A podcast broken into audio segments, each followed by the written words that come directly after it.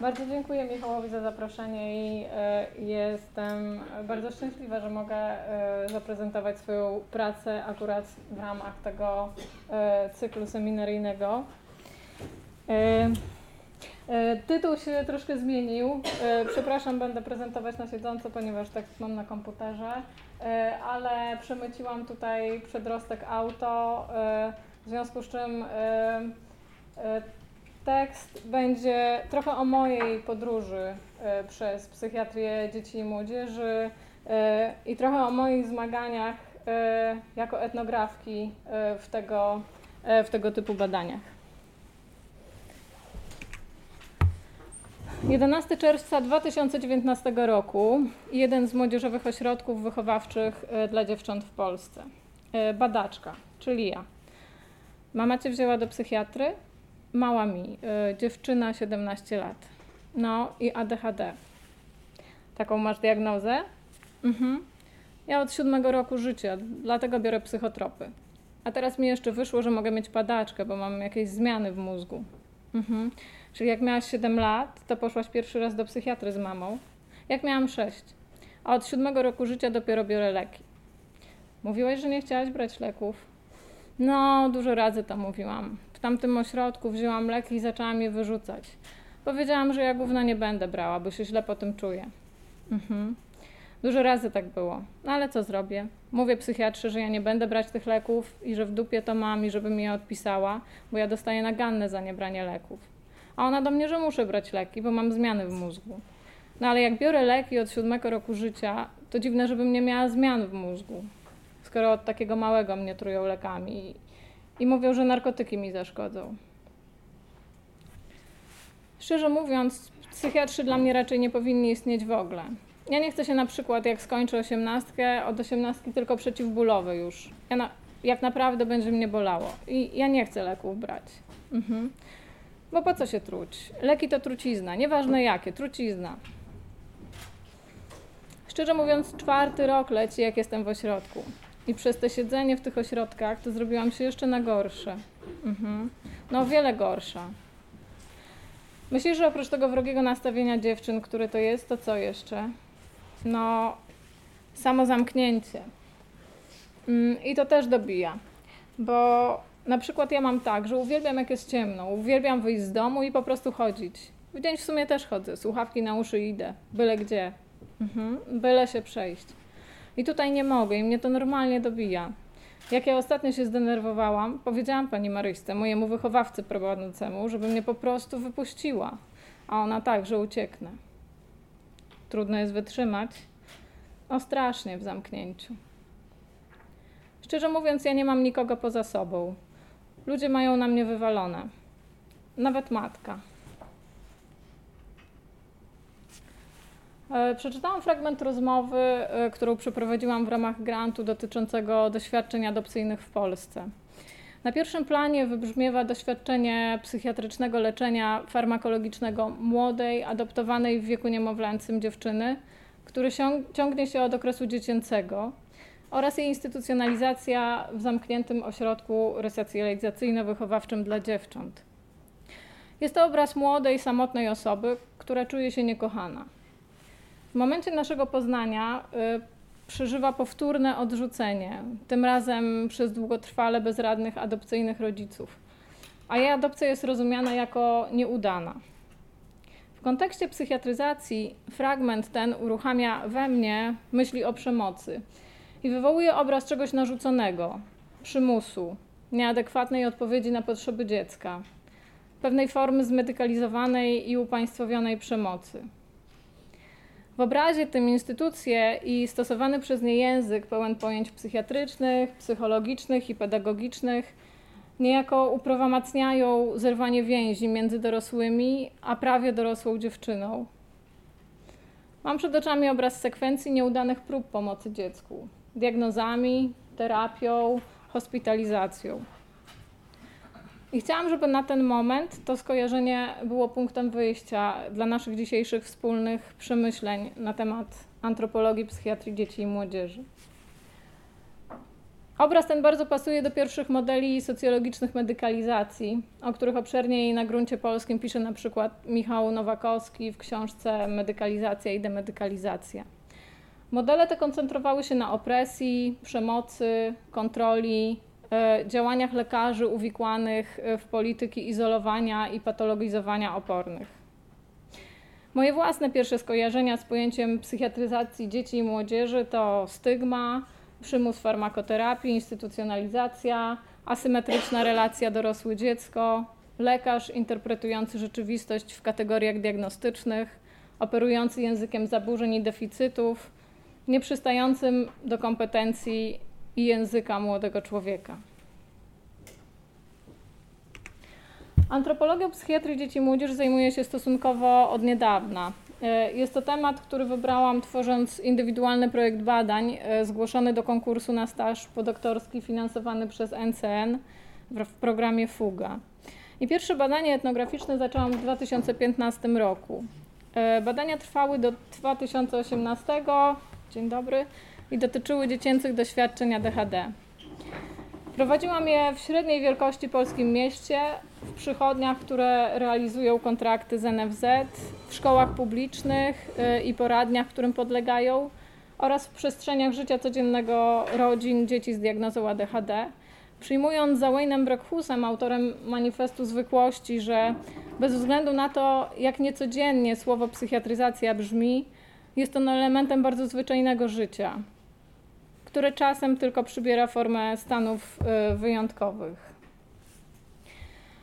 Y, stosowałam mieszaną metodologię. Y, dużo czerpałam z podejścia mozaikowego wypracowanego na gruncie Childhood Studies. Pracowałam obserwacją uczestniczącą, rozmowami, analizą dyskursu. Na równoważnych prawach odbywałam spotkania z dziećmi i z dorosłymi. I niedługo po, po, realizacji tego projektu zostałam zatrudniona jako badaczka w zespołowym e, grancie dotyczącym adopcji, prowadzonym przez dr Ewę Maciejewską-Mroczek e, w ramach działań interdyscyplinarnego zespołu badań nad dzieciństwem Uniwersytetu Warszawskiego. I w grancie tym też metodami wywiadu, obserwacji uczestniczącej, e, analizy dyskursu, próbujemy zrozumieć e, wielowymiarowe współczesne doświadczenia adopcji e, w Polsce. E, tak jak jest ono kształtowane przez uwarunkowania instytucjonalne i szersze makroprocesy. I w swojej dzisiejszej wypowiedzi będę korzystała z materiału etnograficznego z obu tych badań. I odwołam się też do krótkiej etnografii internetowej, którą popełniłam w związku z pisaniem e, tekstu na temat psychiatryzacji dzieci i młodzieży, a która dotyczyła de depresji młodzieńczej. Jeszcze w trakcie mojego trwania mojego projektu dotyczącego doświadczeń ADHD nastąpiła eksplozja medialna głosząca zapaść psychiatrii dzieci i młodzieży w Polsce y, przy jednoczesnym podkreślaniu nasilania problemów dzieci i młodzieży ze zdrowiem psychicznym. I ten temat odżywa co jakiś czas, choć w gruncie rzeczy, jeśli zapytać lekarzy czy pracowników y, poradni, y, na temat o ich miejsca pracy, właściwie kryzys ten nie wydaje się stanem nowym, y, lecz przewlekłym. Y, rozpoznają oni natomiast rosnące zapotrzebowanie na korzystanie z usług opieki psychiatrycznej, terapeutycznej skierowanych do młodych ludzi. Realia są takie, że na wizytę do psychologa czeka się po kilka miesięcy prywatnie, że psychiatrów y, dziecięcych na całą Polskę jest ponad 400, a szacuje się, że dzieci, które potrzebują pomocy, około 600 tysięcy. E, faktem jest, że zamykane są i znikają oddziały psychiatryczne dla dzieci i młodzieży. Według raportu Fundacji Dajemy Dzieciom Siłę, co szósty polski nastolatek okaleczał się, a aż 7% badanych e, podjęło próbę samobójczą. E, jak mówi Anna Włodarczyk z tej fundacji, współautorka e, raportu, ten wynik niepokoi tym bardziej, że w Polsce jest bardzo utrudniony dostęp do pomocy psychiatrycznej dla dzieci. Wiemy, że są takie miejsca, w których dzieci w kryzysie nawet rok czekają na wizytę u specjalisty. Jako antropolożka chciałabym czasem do tego kryzysu krzyknąć w wyraźny sposób. dać upust emocji gniewu i smutku, który odczuwam patrząc z bliska na życie dzieci i młodzieży w tych badaniach i na nieadekwatność pomocy. I otwarcie wykładu słowami małej mi jest takim wykrzyknikiem. Choć po nim nastąpi jeszcze inna historia. Ponieważ moje badania dotyczyły dzieci i młodzieży, zwróciłam się w kierunku literatury nowych studiów e, nad dzieciństwem. Niewątpliwym osiągnięciem tej gałęzi nauk społecznych e, było potraktowanie dziecka jako aktywnego uczestnika e, tych światów. W latach 80. i 90. badacze zaczęli traktować dzieci jako kogoś, kto jest w stanie reprezentować samego siebie, mówić o swoich doświadczeniach w sytuacji badania. Zaczęto skupiać wysiłki metodologiczne i teoretyczne na tym, by tworzyć etnograficzne możliwości docierania do prawdziwych głosów dzieci. By wzmocnić młodych ludzi y, poprzez postawienie ich w pozycji uczestników badań, a także w końcu jako współbadaczy, traktując sytuację badań politycznie, jako możliwość zaangażowania dzieci w debatę, publiczną odnośnie spraw, które dotyczą ich samych.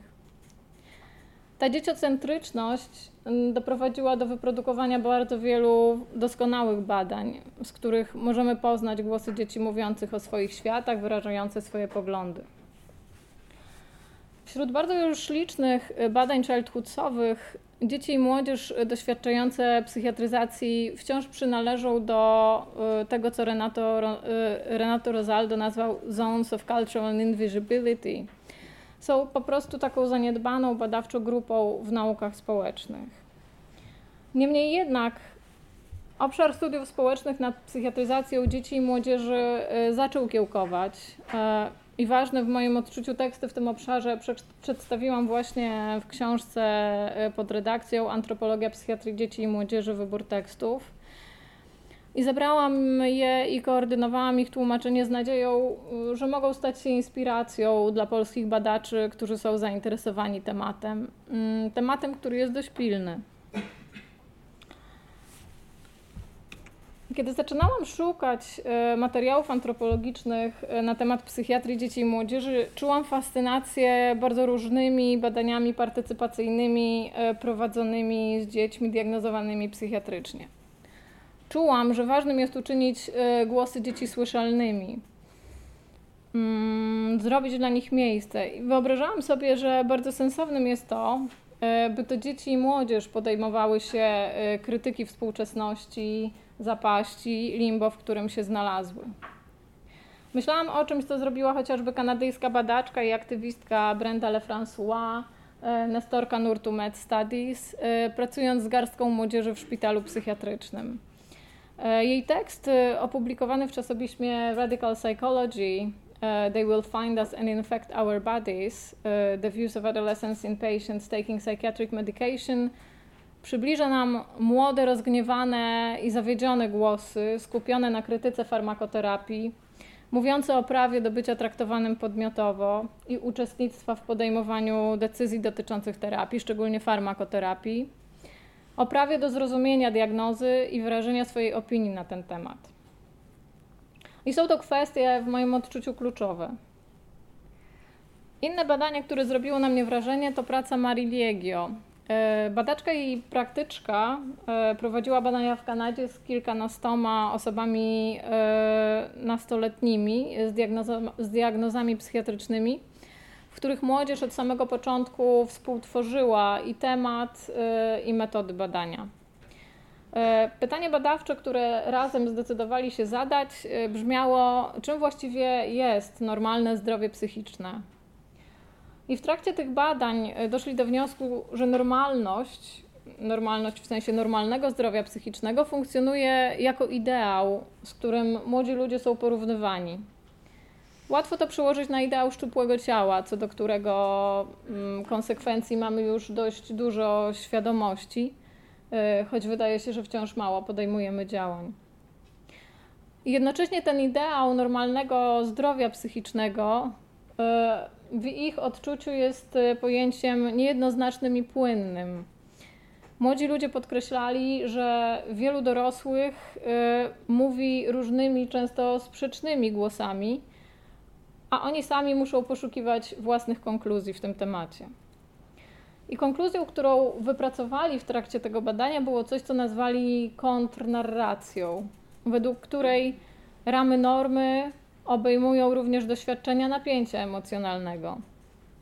Y, oznacza to, że nie ma stanów anomalnych, y, że człowiek potencjalnie może odczuwać stany napięcia, y, a problemy psychiczne są po prostu czymś typowo ludzkim, nieanomalnym.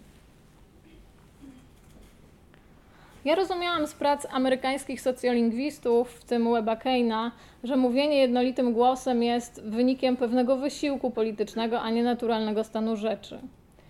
W wypadku przytoczonych badań może było to też wynikiem aktywistycznego nastawienia badaczek, a częściowo też bardzo wąskiej grupy dzieci, których doświadczenia spinała zamknięta, też w sensie dosłownym przestrzeń. Mnie etnograficznie interesuje przede wszystkim stan rzeczy. I okazuje się, że pomimo gniewu i złości, jakie czuję, jednak nie mam tak silnych inklinacji do tworzenia politycznego transparentu. I może jakieś znaczenie odgrywa tu moja biografia. Na pewno znaczenie ma też konstrukcja projektów badań, w których biorę udział. Próby wejścia w perspektywę wielu, y, bardzo różnie usytuowanych osób. Trudno wtedy uprzywilejować jedne racje, ale też w stanie rzeczy, na który przyszło mi patrzeć, y, głosy dzieci najczęściej były ledwo słyszalne. Nie miały wcale tezy, były nierówne, zawierały w sobie sprzeczności i emocje, czasem sprowadzały się do wypowiadania wypowiedzianych już przez kogoś innego, często dorosłego fraz, takich jak leki to trucizna. Było tam bardzo dużo komunikacji nie wprost. Projekcie ADHD wyraźnie wyartykułowane głosy dzieci i młodzieży oskarżające psychiatrię należały do rzadkości. Tak naprawdę częściej mogłam się wsłuchać w nacechowane emocjami, ale jednak mniej bezpośrednie narracje, powiedziałabym poszukujące, czy wyrażające zobojętnienie, bierne poddanie się, albo wyrażające jakiś rodzaj rozczarowania. Stanowiły na pewno akty wejścia w interakcję z kategorią diagnostyczną. Tak jak ta narracja, która by wybrzmiała w trzygłosie Mirona, Daniela i moim z badań nad ADHD, y, są to chłopcy, których y, spotkałam w poradni psychologiczno-pedagogicznej w ramach y, grupy terapeutycznej prowadzonej dla dzieci z ADHD. I teraz mowa w moim odczuciu obnaża siłę stygmy i poczucia braku wartości jakie nosić mogą w sobie dzieci z diagnozami. E, zaczynamy rozmowę o rysunku, który jest obok, a który stworzył e, Miron. Skończyłem. To teraz wyjaśnij. Mieszanina wełbie. Mieszanina wełbie to jest ADHD? Tak. Miron do Daniela. Ty masz w ogóle ADHD? Daniel. No. Miron. Witaj w klubie. Daniel. Bym nie przychodził na te zajęcia, gdybym nie miał. Ja, czyli obaj macie ADHD, ale skąd wy to wiecie? Daniel się śmieje. Miron. Mama mi powiedziała. Daniel, no właśnie. Ja, mamy wam powiedziały, a pamiętacie ten moment? Miron, ja nie. Daniel. Jak ja jechałem z mamą niedawno, mama chciała mnie zapisać, to powiedziała. Miron, synku, masz ADHD, więc nie działaj, bo cię nie chcę. Ja do Daniela. Wtedy ci powiedziała? Miron. Nie, ale myślałem, że tak by inna zrobiła do mnie. Ja. Czyli niedawno się dowiedziałeś, tak, Daniel? Daniel, tak. No ale co to jest to ADHD w końcu? Co ci mama wyjaśniła? Nadpobudliwość, brzydkość.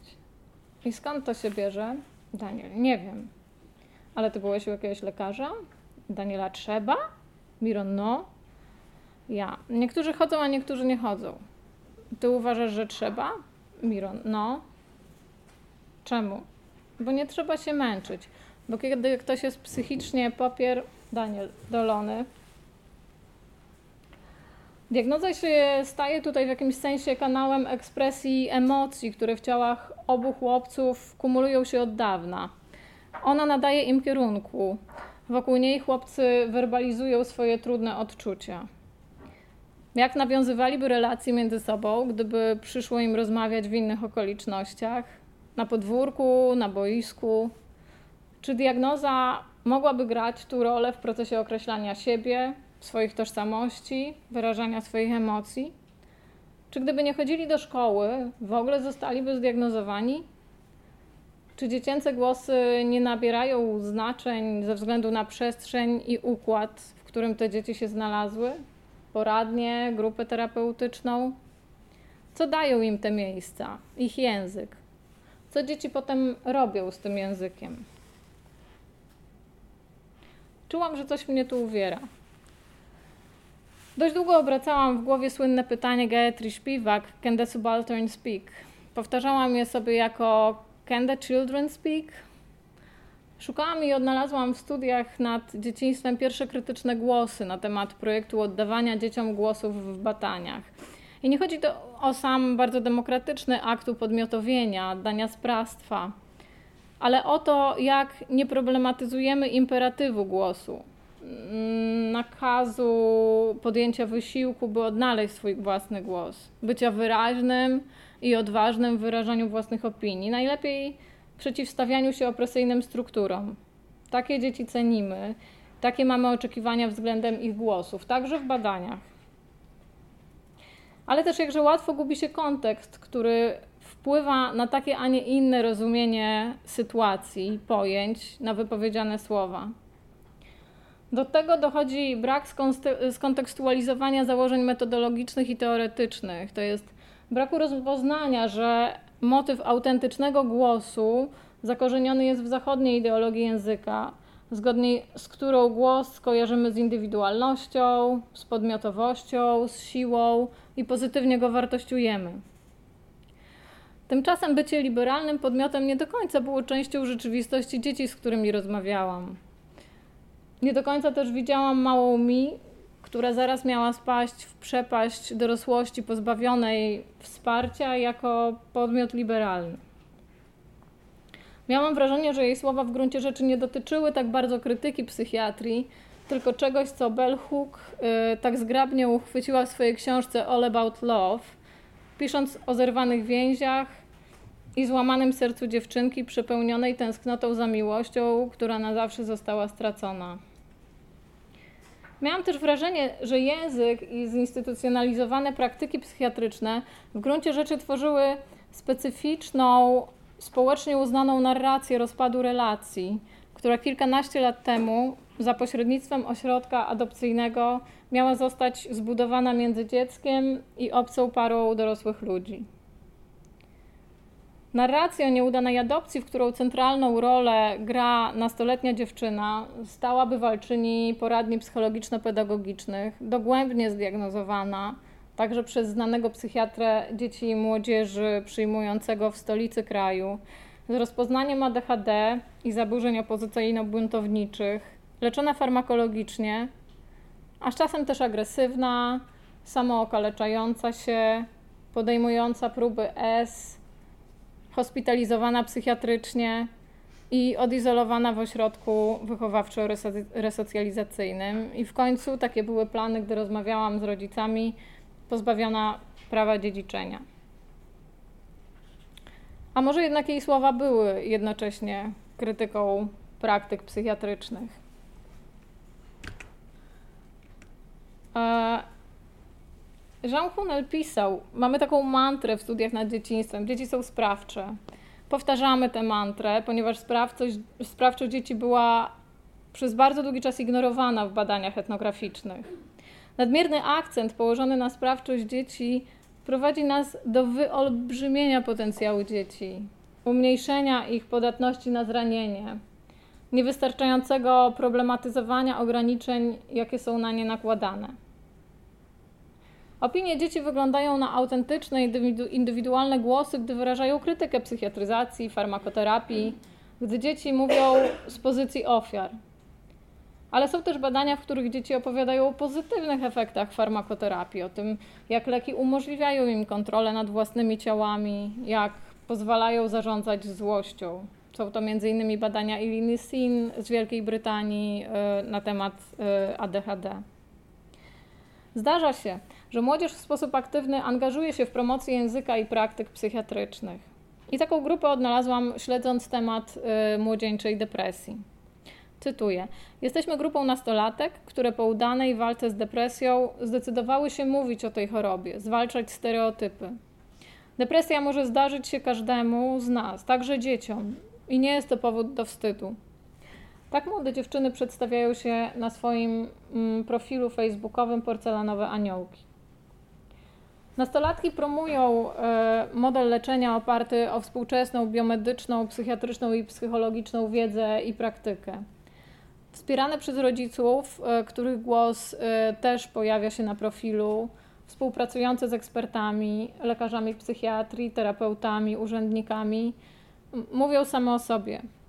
Opierając się na własnym doświadczeniu i na pomocy profesjonalistów, informujemy społeczeństwo o powodach, efektach, symptomach i sposobach leczenia depresji. Działania podejmowane przez te młode osoby są przykładem sytuacji, w której młodzież wchodzi w rolę rzeczników psychiatryzacji. Promuje to, co Orkidek Bechrosen nazywa dialektem psychiatrycznym. Propagują świadomość kategorii diagnostycznej i określony sposób leczenia. Czynią to poprzez używanie języka psychiatrii w mediach społecznościowych, opowiadanie osobistych historii i zaangażowanie w kampanie społeczne. Wyraźnie w opisów celów grupy jest nastawienie na popularyzację poglądu, że jedyną efektywną metodą leczenia chronicznej depresji jest psychoterapia połączona z farmakoterapią. I gdy jest taka potrzeba, y, z hospitalizacją. Y, I te doświadczenia hospitalizacji, które są przedstawione w relacjach y, dziewczyn, są pozytywne. Narracje porcelanowych aniołków to historie udanych biomedycznych terapii, które za Arturem Frankiem można nazwać opowieściami restytucyjnymi, to znaczy historiami o życiu, które udaje się odbudować po chorobie. I przykładem takich opowieści jest krążąca w mediach historia Amelki, e, która zakładała porcelanowe aniołki, która zaangażowała się w kampanię Wylecz depresję, finansowaną przez Polskie Ministerstwo Zdrowia. E, jest ona główną bohaterką jednego z wideoklipów umieszczonych e, na stronie kampanii. Film zaczyna się sceną szczęśliwie odbudowanego życia rodzinnego. Amelia śmieje się, bawi z dorosłym mężczyzną, domyślamy się, że jest to jej tata, i z dwójką młodszych dzieci w miejscu, który wygląda na rodzinny dom. W kolejnych scenach dziewczyna opisuje swoje doświadczenie depresji. Objawy depresji pojawiły się u mnie w 2015 roku, gdy miałam 12 lat. Dowiadujemy się o eskalacji symptomów, o pojawieniu się myśli samobójczych. W końcu dziewczynka opisuje rozwiązanie. Powoli, dzięki pomocy terapeuty, dzięki pomocy lekarza, rodziny, przyjaciół, stopniowo stawiałam małe kroki naprzód. Dziewczyna wylicza osoby, które uczestniczyły w jej procesie zdrowienia. Opowieść restytucyjna nabiera silniejszego wydźwięku dzięki materiałowi wizualnemu. Gdy miałam depresję, nie mogłam sobie wyobrazić, że dotrwam do końca dnia. My w tle widzimy ścianę, na której w kolorze niebieskim widnieją napisy Born to Die, a obok nowe zdanie napisane czarnym kolorem Born to Life. Teraz mam tyle planów, tyle rzeczy do zrobienia, mówi, a jej uśmiech jest wyrazem udanego leczenia. Historia Ameli jest historią młodego głosu włączonego w polityczny proces artykulacji użyteczności leczenia psychiatrycznego dzieci i młodzieży. I kontekst, w którym dziewczynka podjęła się szeregu działań medialnych, by stać się twarzą młodzieńczej depresji, ustami psychiatrii, po raz kolejny wskazuje na ważność otoczenia, nastawienia dorosłych, infrastruktury, w której może poruszać się młody człowiek. W tym wypadku głos dziewczyny stał się nośnikiem e, psychiatryzacji. Rama biomedyczna jest obecna w działaniach i rozmowach dzieci, przenika ich światy. Ale inaczej niż wyraźnie upolityczniony, monolityczny głos porcelanowych aniołków, w codziennych rozmowach z dziećmi w wieku szkolnym wyraźnie widać, że sensy, które wydają nam się oczywiste, dla dzieci nie mają tych samych znaczeń. Są bardziej plastyczne, są często zasłyszane, odtworzone, ale też zniekształcone. I w trakcie swoich badań widziałam, jak ADHD jest zasobem wykorzystywanym przez dzieci w czymś, co nazywam um, uwspólnionymi aktami normatywnego porządkowania własnych światów. Y, ale też jest to kategoria używana często w innym znaczeniu niż to ustalone y, w aktualnym mm, kontekście medycznym czy psychologicznym. Mogę powiedzieć, że w trakcie moich badań projekt dawania dzieciom głosu, z którym przyszłam, stanął na głowie, gdy zaczęłam rejestrować rozmowy dzieci, które były w swoim wydźwięku sanistyczne. E, sanizm oznacza uprzedzenie wobec osób uznanych za chore psychicznie czy nieneurotypowe lub takich, które są uznane za niezdrowe przez społeczeństwo. W wyniku tego, e, czego takie osoby są po prostu dyskryminowane i, i wykluczane. I takie zabarwienie miały rozmowy z dziećmi z klas drugich, y, publicznych podstawówek, do których uczęszczali chłopcy z diagnozą ADHD, a z którymi pracowałam. Przyjmuję tu, że jednostki stosowane w diagnostyce psychiatrycznej, takie jak ADHD czy depresja, kiedy zostaną wprowadzone w kultury szkolne i w kultury dziecięce, otwierają przed dziećmi nowe możliwości działań, w tym działań etycznych. Dzieci, podobnie jak dorośli, w toku codziennych interakcji y, tworzą normatywne porządki, y, a ich działania mają wymiar etyczny. Y, za Elinor Rox i Lizą Caps patrzę na rozmowy, które wyłaniają się mm, w toku na rozmowy i wyłaniające się w ich toku opowieści, nie jak na referowanie faktów, E, lecz jak na akty ustanawiania perspektywy na temat jakichś wydarzeń lub ludzkich zachowań. I w tym przypadku e, są to nienormatywne zachowania kojarzone z ADHD. I aby to ilustrować, e, przytoczę kilka fragmentów takich rozmów.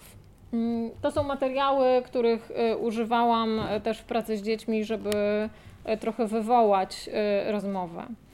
E, I tutaj będzie rozmowa dotycząca kilku zdjęć, które dzieci miały ułożyć e, w historię. Gosia, Wiktoria i Maja e, wypracowały obraz ADHD jako przynależnego do obszaru medycyny, ale nazwały to medycyną trochę taką inną. E, metodologicznie chciałam zaznaczyć, że ADHD y, mm, nie było narzuconą przeze mnie kategorią. Także tutaj rozmawialiśmy po prostu o stenkach i o, o zachowaniu dziecka. Również pojawiające się na początku fragmentu sformułowanie głupawka pochodzi od dzieci. Ja. Kontynuujemy rozmowę. Jak dzieciak dostaje głupawki, to się wzywa lekarza? Gosia. Tak, trochę takiego innego. Jakiego, Wiktoria? Psychologa, raczej, raczej psychiatrę. Maja, właśnie, psychiatrę. Ja. I co taki lekarz może zrobić? Wiktoria, dać mu lek. Maja, zamknąć. Wiktoria, dać mu lek na uspokojenie. Maja. I Melisę, Melisę, właśnie, Melisę i 10 zastrzyków. A w jakich sytuacjach przyjeżdża taki psychiatra albo psycholog? Maja, kiedy ktoś ma ADHD, Wiktoria, ADHD, no. To wtedy przyjeżdża do domu, czy jak? Maja. Ekipa przyjeżdża takim samochodem. Gosia. No do domu lub dziecko wiozą do szpitala. Do jakiego szpitala? I co w tym szpitalu się dzieje? Zamykają w kratach. Maja, Wiktoria i Gosia y, budują obraz ADHD jako głupawki, stanu, które może wymagać hospitalizacji i odosobnienia. ADHD w ich wyobraźni łączy się z psychiatrią, z lekami na uspokojenie, ze szpitalem, z zamknięciem. ADHD jako jednostka diagnostyczna jest więc mocno obciążona przez skojarzenie z psychiatrią, y, która nie jest dobrą formą opieki, jest wykluczeniem i brutalnym odizolowaniem. E, kolejny fragment rozmowy dotyczy Piotrka, e, chłopca z klasy e, dzieci, z którymi rozmawiałam. W wymianie uczestniczy trójka, dwie dziewczynki, jeden chłopiec. Dzieci wiedzą, że Piotr ma ADHD. W trakcie rozmowy budują swoje perspektywy moralne wokół zachowań kolegi oraz jego tożsamości jako dziecka z ADHD. Podaję to jako przykład aktywnego współkonstytuowania znaczeń zaczerpniętych z psychiatrii w dziecięcych światach. E, rozmowa metodologicznie miała miejsce w sytuacji, gdy dzieci dostały ode mnie takie kartki, na których obok innych chorób e, wymienione było też ADHD. E, ale dzieci nie wiedziały, że moje badanie dotyczy ADHD. Z różnych etycznych względów przedstawiałam je jako badanie, które, które dotyczy trudności w szkole i poza nią. I w przeciwieństwie do innych słów, jak cukrzyca czy dyslekcja, ADHD wywołało natychmiastowe ożywienie e, wśród dzieci. Bartek. Piotrek ma. Kasia. To jest ktoś po prostu chory i Bartek na muniu. Kasia. Szaleje i bierze lekarstwa. Bartek. Jest chory na mózg. Marysia. I jeszcze wygłupia się. Kasia. I bije. Marysia. I bije. Bartek. Ktoś od urodzenia został chory na mózg i, i nie da się tego wyleczyć tym fragmencie Bartek otwiera narrację poprzez przywołanie przykładu kolegi z klasy. Kasia wprowadza ramę biomedyczną. Mm, ktoś jest po prostu chory. E, I poprzez swoją wypowiedź dokonuje pewnej pracy nad stabilizacją kategorii dziecka z ADHD jako dziecka chorego. E, w kolejnych wypowiedziach e, moi rozmówcy doprecyzowują uwspólnione rozumienie ADHD, co dokonuje się zarówno na podstawie, e, na podstawie doświadczeń e, bycia w klasie z Piotrem, ale też na podstawie wiedzy niepochodzącej z doświadczenia, z takich znaczeń, które zostały ustabilizowane w środowisku dzieci w przeszłości, czyli mówienie o kimś, że jest chory na mózg, że ma kuku na muniu. I utworzona przez Bartka kontaminacja chory na muniu ukierunkowuje y, wysiłki tworzenia sensów y, wokół ADHD w stronę choroby psychicznej. Y, Kasia podejmuje tę ramę interpretacyjną, używając czasownika szaleje i kojarzy ten stan też z farmakoterapią. Bartek z kolei doprecyzowuje, że ADHD jest chorobą umiejscowioną w mózgu. Dziewczynki w związku z tym koncentrują się na wyliczeniu zachowań, które charakteryzują osobę chorą na ADHD. Wygłupianie się, bicie, e, czyli bardzo jasne zachowania łamiące normy. E, Bartek kontynuując swoją wcześniejszą wypowiedź wchodzi w rolę głównego narratora i klasyfikuje ADHD jako wrodzoną i nieuleczalną chorobę mózgu. Czyli właściwie znaczeniowo dość blisko współczesnych biomedycznych y, wyjaśnień, które podkreślają y, genetyczne, y, genetyczne predyspozycje do funkcjonowania, funkcjonowania mózgu w taki, a nie inny sposób. E, kolejny fragment to znów rozmowa wokół scenek zaaranżowanych przy pomocy klocków Playmobil, e, przedstawiających chłopca w różnych sytuacjach szkoły, domu, e, gabinetu lekarskiego. Bierze w niej udział Hubert i Alicja. Hubert opowiada o chłopcu. Czasem są takie dzieci, że są bardzo złe, na przykład biją, przeklinają do siebie nawzajem i potem osoba druga tak się mocno obrazi, że też chcesz zrobić na złość.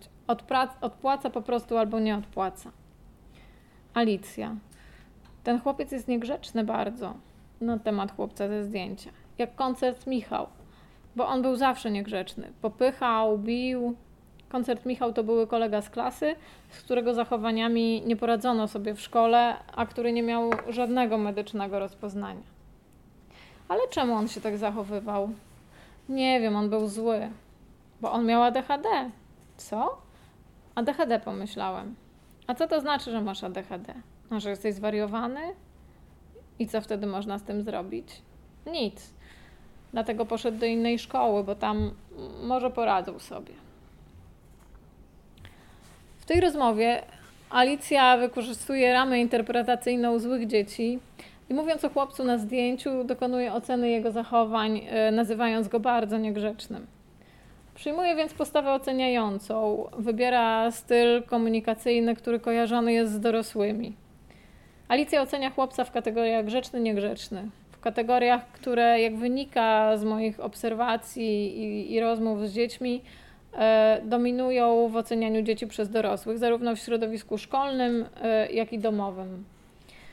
Można powiedzieć, że w toku dotychczasowych interakcji z dorosłymi dzieci nauczyły się określać różnice, a w efekcie podziały między sobą za pomocą kategorii grzeczny i niegrzeczny. I w tym przypadku nie podważają więc tej ramy interpretacji, tylko aktywnie ją wykorzystują do opisu świata. Michał Koncert był według Alicji zawsze niegrzeczny. I poprzez użycie tego przysłówka Alicja dokonuje jednoznacznego zamknięcia chłopca w kategorii złych dzieci. Ta mocno moralizująca rama interpretacyjna rozbrzmiewa jeszcze raz w słowach Alicji, kiedy lakonicznie rzuca on był zły e, i ujawnia dystans dziewczynki względem kolegi i jego zachowań. Ale w tym momencie rozmowy Hubert dokonuje zwrotu w opowieści i stosuje pozornie odmienną ramę interpretacyjną, bo on miał ADHD. Kategoria dziecka z ADHD została w tej sytuacji wywołana, ale jej znaczenie nie zostało zbudowane w kontraście do ramy złe dzieci. Pozostawienie nieraz, niejasną relacji między ADHD a niegrzecznymi dziećmi, złymi dziećmi czy zwariowanymi dziećmi powoduje, że te ramy interpretacyjne nakładają się na siebie.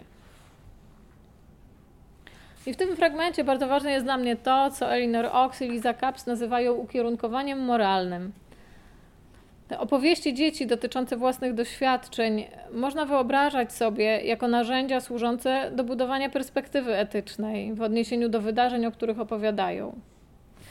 W życiu codziennym etyka jest ugruntowywana m.in. poprzez y, rozmowy dotyczące wydarzeń, y, w toku których bohaterowie łamią jakieś społeczne oczekiwania czy normy.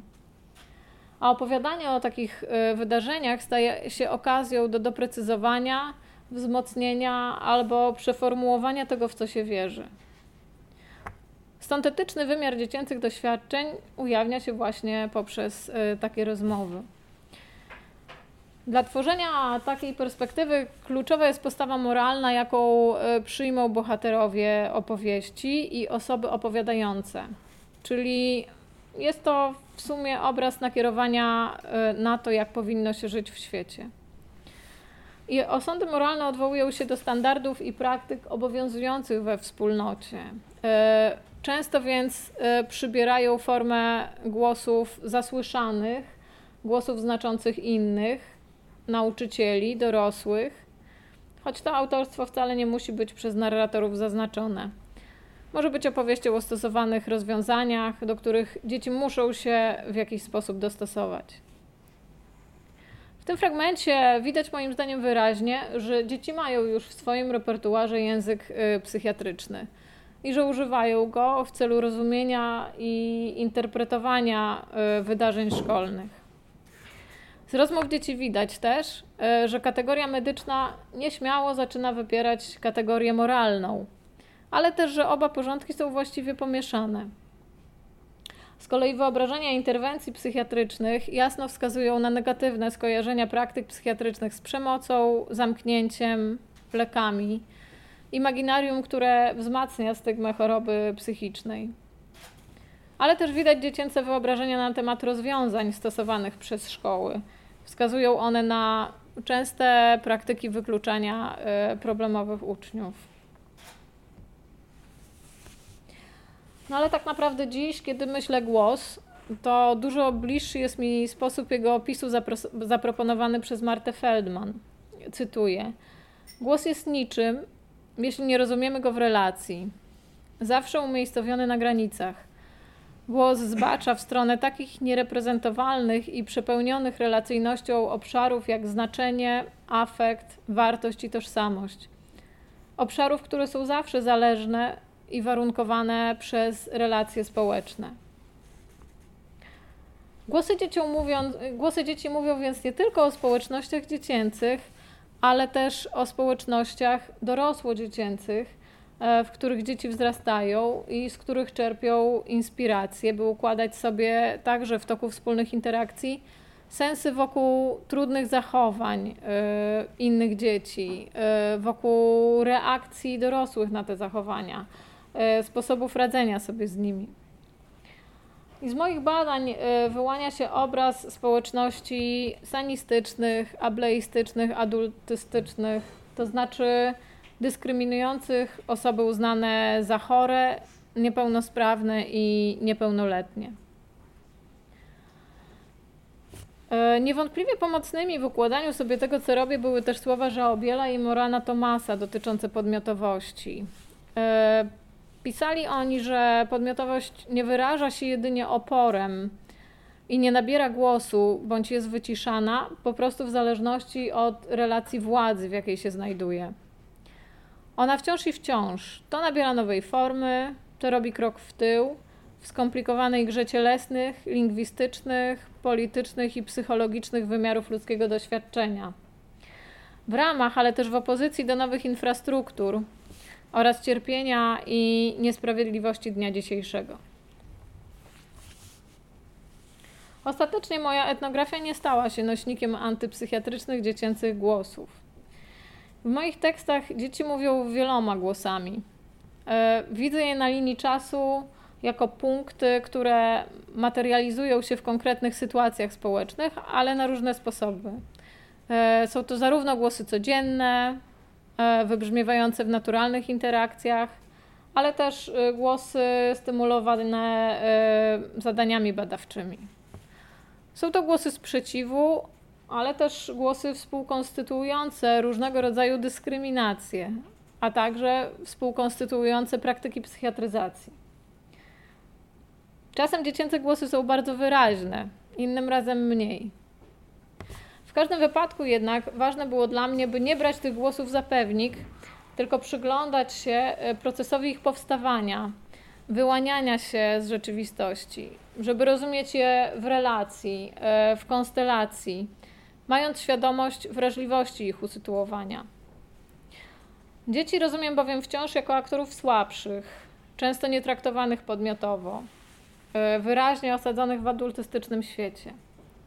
A jeśli dzieci te mają diagnozę, traktowane są e, jako podwójnie niekompetentne E, z jednej strony jako niedorośli, a z drugiej strony jako e, cierpiący na jakąś formę zaburzeń psychicznych. Także zaczęłam od dość prostego wyobrażenia psychiatrii, po to psychiatryzacji, by wywołać efekt kontrastu, ale też po to, by pokazać swoją własną drogę jako etnografki. I wrócę teraz do tytułowej kategorii psychiatryzacji, po to, by ją y, zniuansować, bo teoria też miała znaczenie w procesie narodzin mojej etnografii. W procesie odchodzenia o fantazji, o politycznym transparencie wykrzyczanym y, głosami skrzywdzonych dzieci. Pojęcie medykalizacji, a także psychiatryzacji dzieci i młodzieży w czasach kapitalizmu zdezorganizowanego nie jest już tym samym, co w latach 60. czy 70. ubiegłego wieku. Temat przemocy, niesymetryczności, stygmy są to zaledwie jedne z figur tego jakże już złożonego świata. I w tym świecie władza nie jest już wyobrażona jako zdolność do izolowania, Podąża ona raczej w kierunku samodiagnozowania, samodyscyplinowania, ponoszenia odpowiedzialności za swój dobrostan albo za sukces własnego dziecka.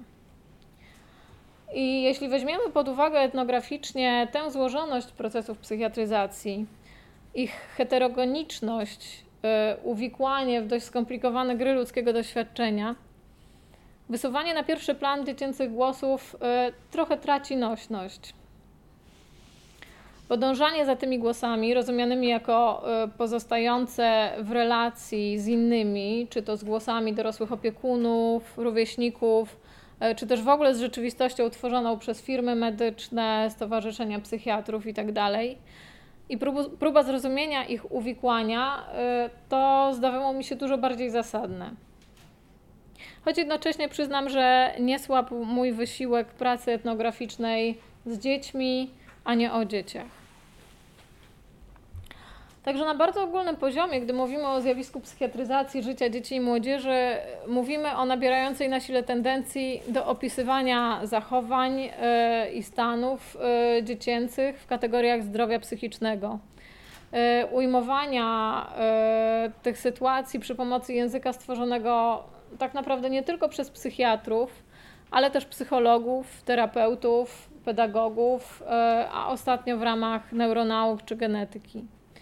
Mówimy więc o pewnym splocie praktyk, y, o kompleksie wiedzy, y, który powstał w wyniku rozkwitu tego, co Foucault nazwał psychodyscyplinami. ale też o uwikłaniu tej wiedzy w nowe formy rządzenia, które nie są już tylko dyscyplinowaniem, narzucaniem z góry, ale są wręcz oddawane w nasze ręce, byśmy sami mm, zarządzali tą wiedzą i żebyśmy ją stosowali względem samych siebie.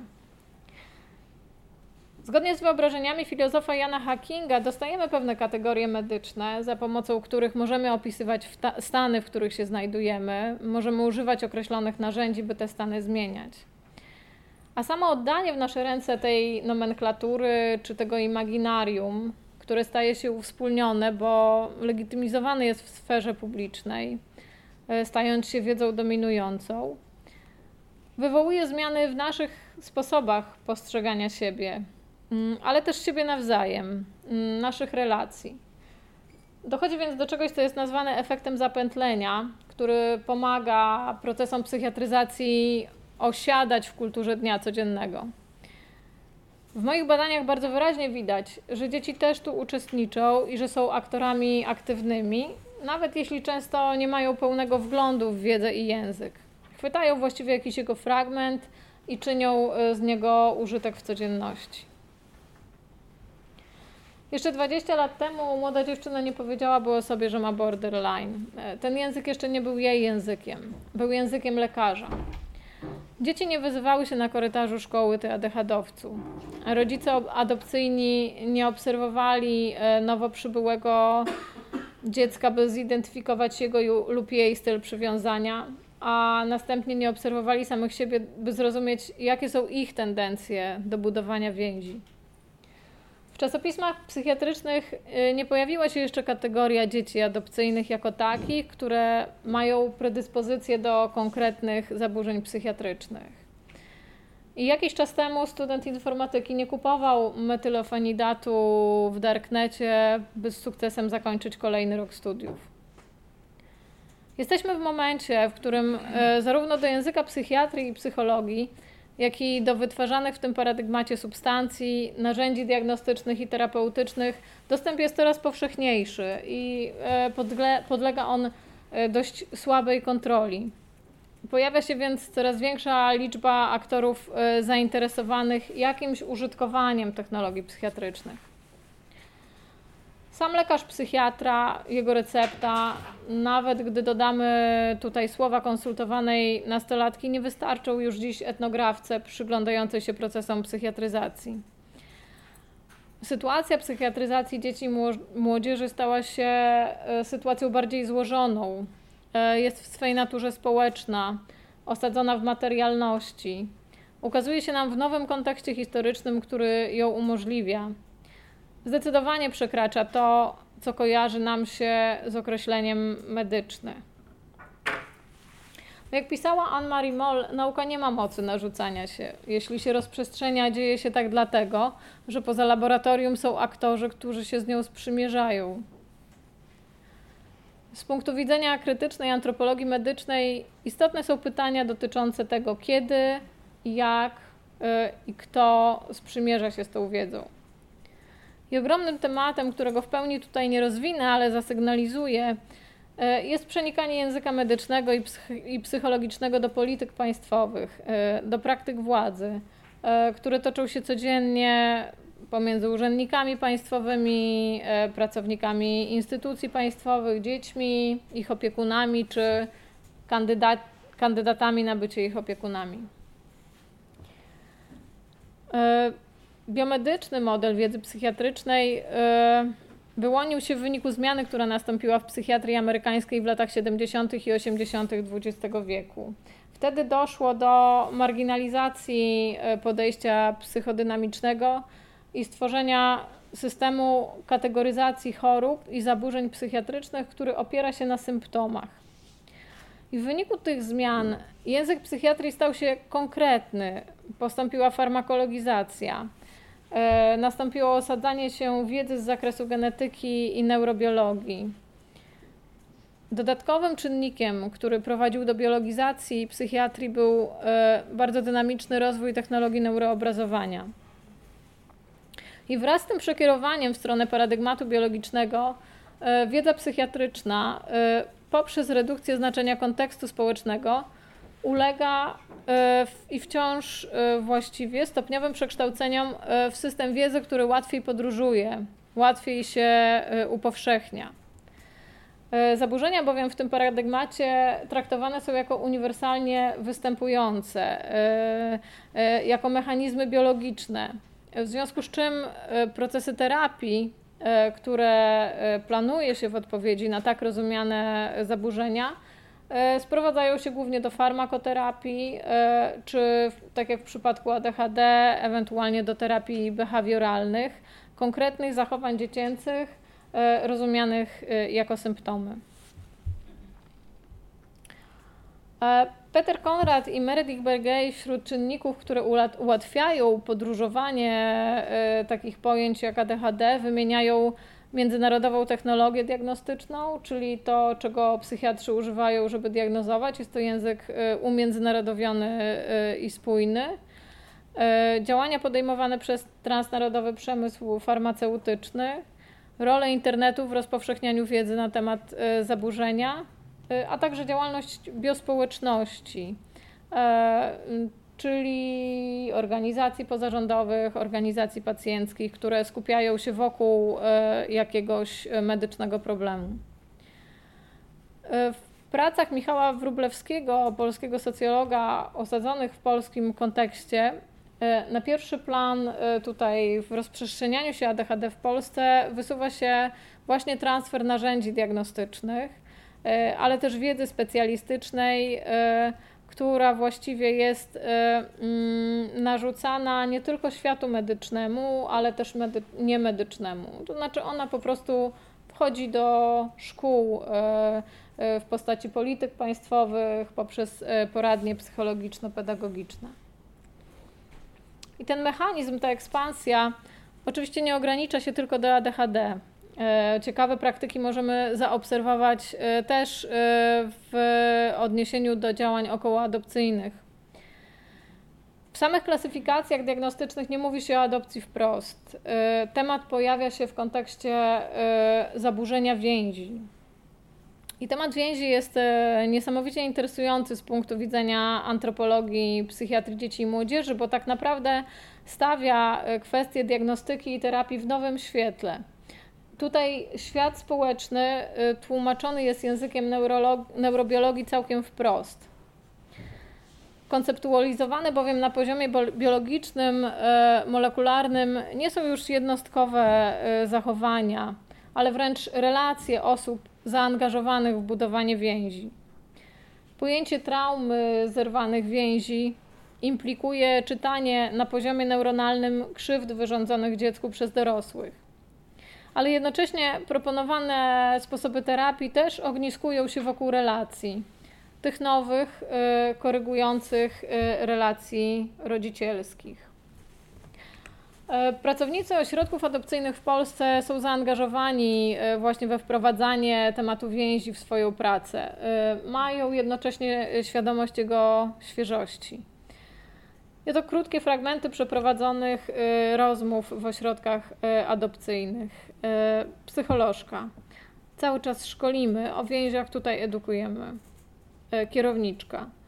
Dużo na przykład te szkolenia, dużo wiemy o budowaniu więzi, dużo szkolimy rodziny. Kiedyś skupialiśmy się bardziej na diagnozie rodziny, też takim przygotowaniu szkoleniowym, ale też bardziej na takim przygotowaniu pedagogicznym, tak? Dotyczącym komunikacji, zaspokajania potrzeb dziecka, troszkę o jawności adopcji. Natomiast teraz dużo mówimy o budowaniu więzi, tak?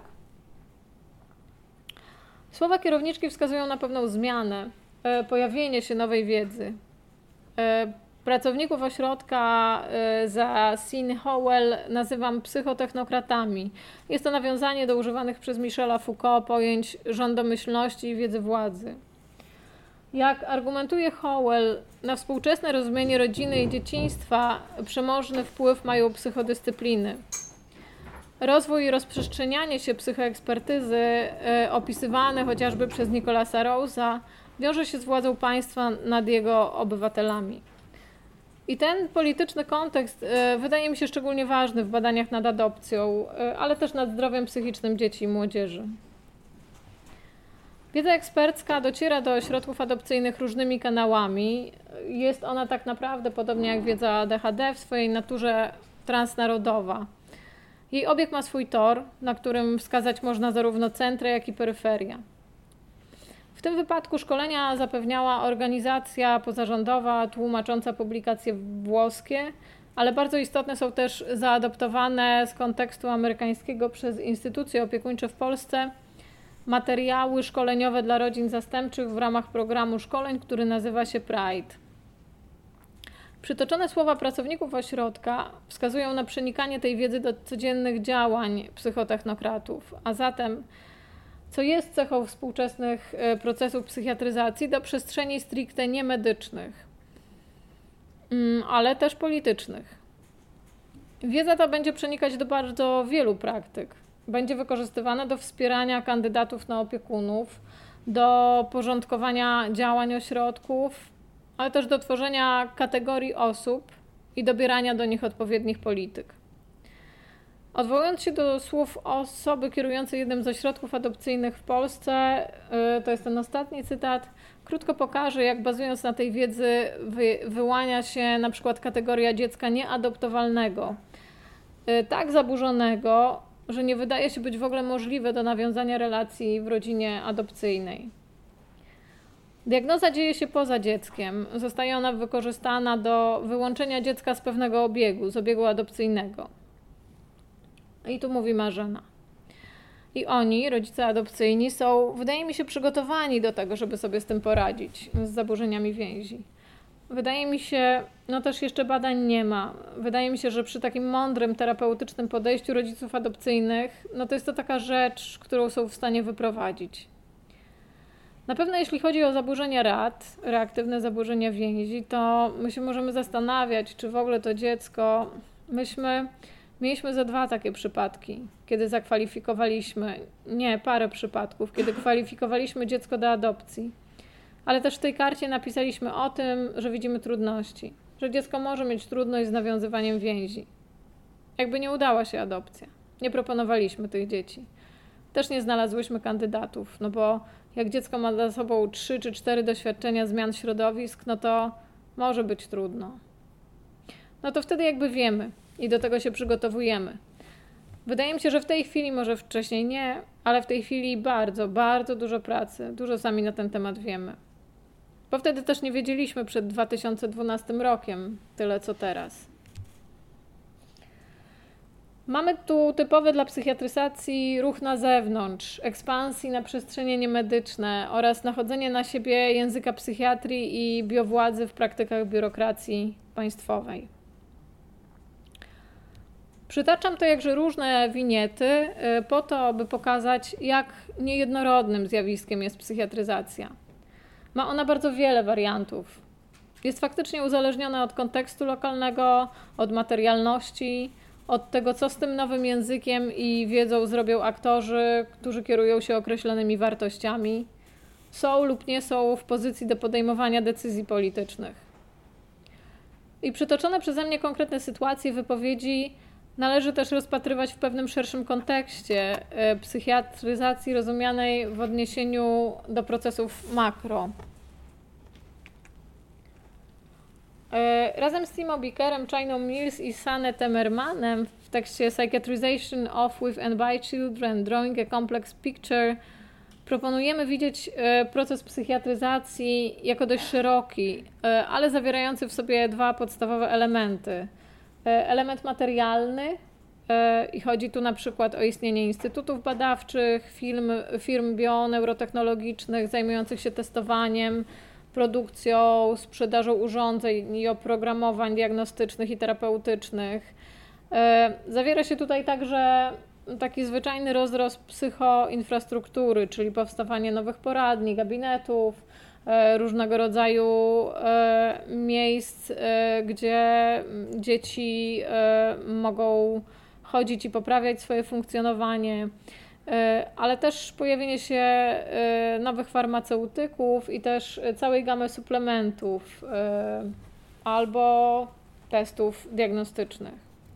Aspekt ideologiczny dotyczy bardziej definiowania określonych zachowań jako zaburzeń psychiatrycznych E, kluczową rolę, i to jest już dość dogłębnie skonceptualizowane w literaturze, e, mm, pełni tutaj, pełnią tutaj właśnie klasyfikacje e, diagnostyczne, o których już wspominałam, czyli podręczniki dla psychiatrów, w których wszystkie zaburzenia są opisane. Także mm, ten język i te kategorie diagnostyczne przenikają do kolejnych instytucji, które mają sprawować opiekę nad dziećmi.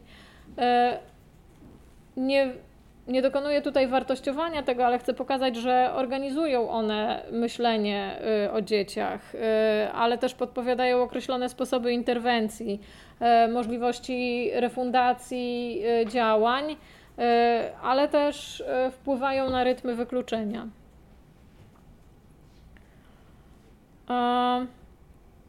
W dzisiejszym społeczeństwie dynamiki procesom psychiatryzacji nadają nie tylko transnarodowe towarzystwa eksperckie i tworzone przez nie definicje, ale też interesy firm komercyjnych, e, potrzeby konsumentów, siła ruchów pacjenckich czy organizacji e, pozarządowych, e, które, co jest myślę ważne w kontekście polskim, wypełniają luki tworzone przez tak zwane parainfrastruktury. E, I to jest najprościej mówiąc nieefektywnie działający system, e, czy to właśnie w kontekście e, zdrowia psychicznego, edukacji, czy pomocy społecznej.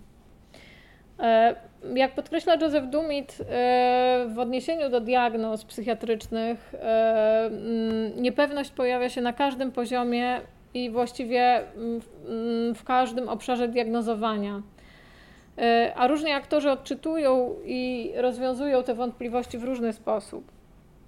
Mm, mamy taką sytuację, gdzie ostateczne i jednoznaczne odpowiedzi nie istnieją. E, w związku z czym kluczowym staje się to, e, kto ma możliwość procesów kontrolowania, definiowania zachowań dziecięcych, ale też kanałów dystrybucji tych definicji. Wiedza psychiatryczna i kultura materialna, e, które idą w parze z psychiatrią i psychologią, e, a także mm, praktyki psychiatryczne, e, są to elementy, z którymi młodzi ludzie wchodzą w interakcję w mniej lub bardziej dobrowolny sposób.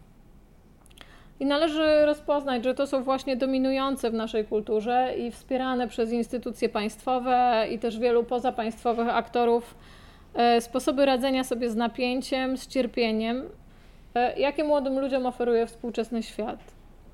I do nich młodzi ludzie muszą się jakoś odnieść. E, ale to, jak się do nich odniosą, e, w ogromnej mierze zależy od tego, skąd wychodzą, w jakim miejscu się znajdują i jakie narzędzia mają do tego, żeby radzić sobie z tym językiem i z całym ładunkiem napięcia, jaki z nim y, idzie, jaki mu towarzyszy w życiu codziennym. E, dla małej Mi, diagnozowanej od szóstego roku życia przez mamę adopcyjną, kolejne wizyty i diagnozy były zapewne sposobem nowych rodziców na negocjowanie tego, czego sami nie mogli zaakceptować, ale czego też nie mogło zaakceptować otoczenie. Paradoksalnie dla kolejnych szkół diagnozy były podstawą nie do pomocy dziecku, ale do y, jej wykluczenia. Dla niej samej, w moim odczuciu, diagnoza stała się y, postępującą deprecjacją jej osoby. Także na każdym etapie y, różni zaangażowani aktorzy realizowali za pomocą diagnozy różne potrzeby, mówili różne rzeczy. I oczywiście pozycje graczy dorosłych y, i niedorosłych, y, instytucjonalnych i nieinstytucjonalnych y, nie są symetryczne. W słowach małej mi, którym, którymi otworzyłam dzisiejsze spotkanie, wybrzmiewa antypsychiatryczny sentyment i gniew. I gniew na pewno czuje wielu z nas czytających przekazy medialne na temat zdrowia psychicznego młodych ludzi.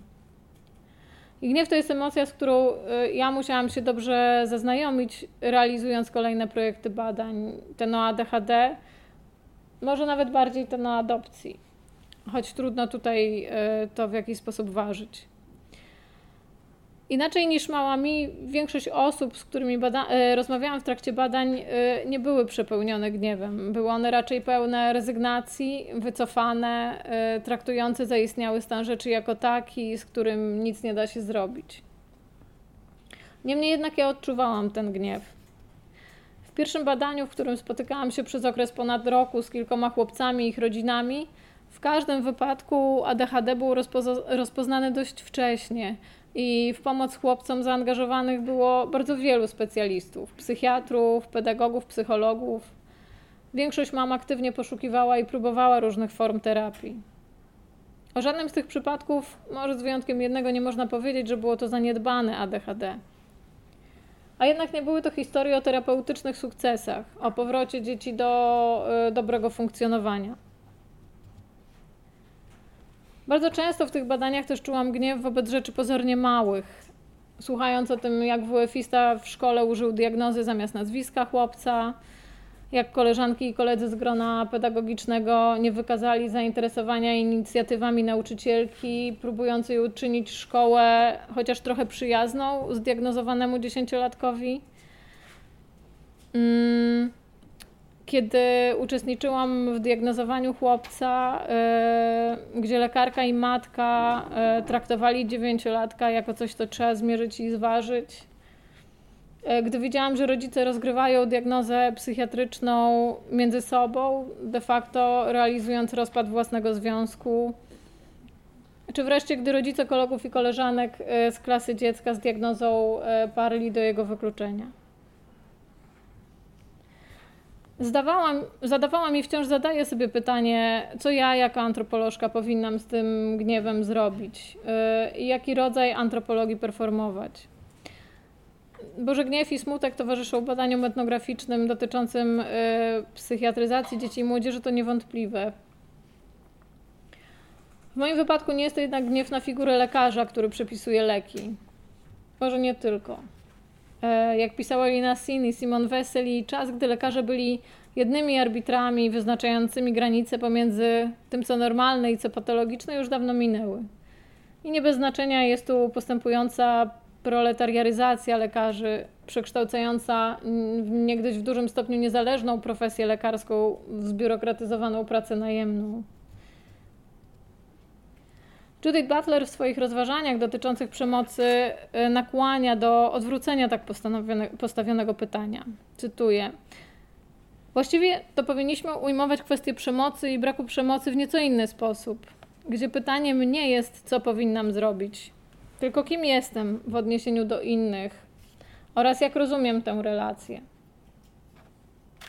To jest istotne dla mojej antropologii, kim jestem w odniesieniu do osób, z którymi pracuję i jak rozumiem tę relację. Na pierwszy plan wysuwa się w moich myślach bezwarunkowa równość. To, że jestem taka jak oni, że doświadczam takich samych złożoności tego świata i że nie mam dla nich odpowiedzi, bo nie jestem lepsza w nawigowaniu. Że to, co mogę, to opisać ich świat, który jest też świat, moim światem. I być może dlatego właśnie sięgnęłam w swoich pracach po autoetnografię. Operuję tu szerokim znaczeniem autoetnografii jako pewnego wzorca uprawiania nauki w polu nauk społecznych. I jak pisała Anna Kacperczyk, tak szeroko rozumiana autoetnografia stanowi pewien, pewien paradygmat uprawiania etnografii w ogóle, będący źródłem istotnych przesunięć we współczesnej humanistyce. Podobnie jak Brenda Lefrancois, autoetnografię rozumiem jako takie podejście do badań, które zakłada opowiadanie historii, próbę tworzenia znaczeń dzięki przywoływaniu opowieści o zmaganiu się i przeciwnościach. Jest ona y, w swojej istocie praktyką etyczną, która z natury jest polityczna. Dzięki urefleksyjnionej analizie y, praktykowanie autoetnografii pozwala zdekonstruować dominujące sposoby wiedzy. Dla François tekst naukowy staje się formą działania, praktyką moralną i sposobem bycia w świecie. Osobista historia ma silny wydźwięk polityczny. Może nawet znam skądś niektóre sytuacje. Może coś we mnie się porusza, kiedy słyszę relacje na temat rodzinnej przemocy, niemocy, bagażu, z którym przychodzą rodzice i trudności w poradzeniu sobie z nim. Postulat radykalnej równości. Autoetnografia jest więc dla mnie też odrzuceniem etnografii, która wydaje się być wilkiem w owczej skórze, by użyć sformułowania Kozebowski-Houston. Antropologia jako forma ludzkiego zaangażowania, forma bycia w relacji możliwie nieskośnej. To jest dla mnie ważne. Więc uprawiając etnografię, uznaję współzależność za jeden z podstawowych e, warunków tej aktywności, ale też uznaję ją za podstawowy wymiar e, e, człowieczeństwa. Na koniec wrócę do słów Judith Butler. Cytuję. Myślę też, że powinniśmy rozwijać takie praktyki polityczne, w których podejmujemy decyzje o tym, jak razem żyć w mniej przemocowy sposób. Powinniśmy móc wskazać na zinstytucjonalizowane formy przemocy, które uważamy za oczywiste i nieprzemocowe. Jest to kwestia stawiania na świecznik e, w klarowny sposób tych instytucji i polityk, które regularnie czynią tego rodzaju rozróżnienia na bardziej wartościowe i mniej wartościowe życie. I pragnę wyobrażać sobie własne teksty etnograficzne jako taką praktykę polityczną, praktykę, która nie jest przemocą, ale też praktykę, która o codziennej przemocy mówi otwartym tekstem, nie szukając winnych, uznając natomiast, że przemoc i cierpienie są ludzkie, a przyglądanie się im z bliska ma sens, bo pozwala zrozumieć. A tym, którzy są władni, może dać mapę i podpowiedzieć, y, gdzie zlokalizowane są węzły, które należałoby rozwiązać. Dziękuję.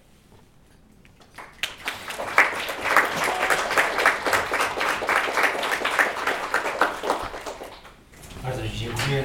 Zapraszam do zadawania pytań.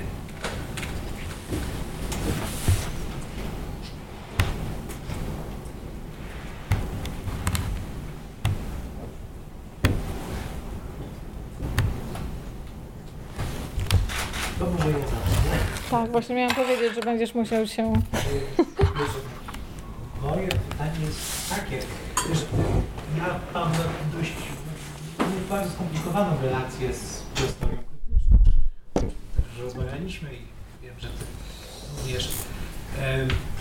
I to z jednej strony, ale y, wydaje mi się, że w świetle tego, co z drugiej strony mam też dość wyboistą relację z, na przykład z, z pomysłem, do którego zaraz nawiążę, z pomysłem e, lewistrosowskim w istocie e, zerowej wartości symbolicznej, tej wziętego z, z językoznawstwa pojęcia, które Levi-Strauss starał się zaaplikować do reinterpretacji mana polinezyjskiej. Ale wydaje mi się, że w kontekście tego, o czym mówiłaś i przykładów, które podawałaś, to jest coś na rzeczy, przynajmniej zastosowane jako pewna metafora, czy też pewne narzędzie takie, powiedziałbym, humorystyczne, do zrozumienia tego, czym jest, czy też czym mogą być w naszej obecnej kulturze te e, pochodzące z języka biomedycznego czy języka psychiatrii. Pojęcia, jak na przykład właśnie konkretne jednostki diagnostyczne, w tym wypadku ADHD, kiedy do, powiedziałbym, e, e, zdefiniowania czy rozwiązania pewnych,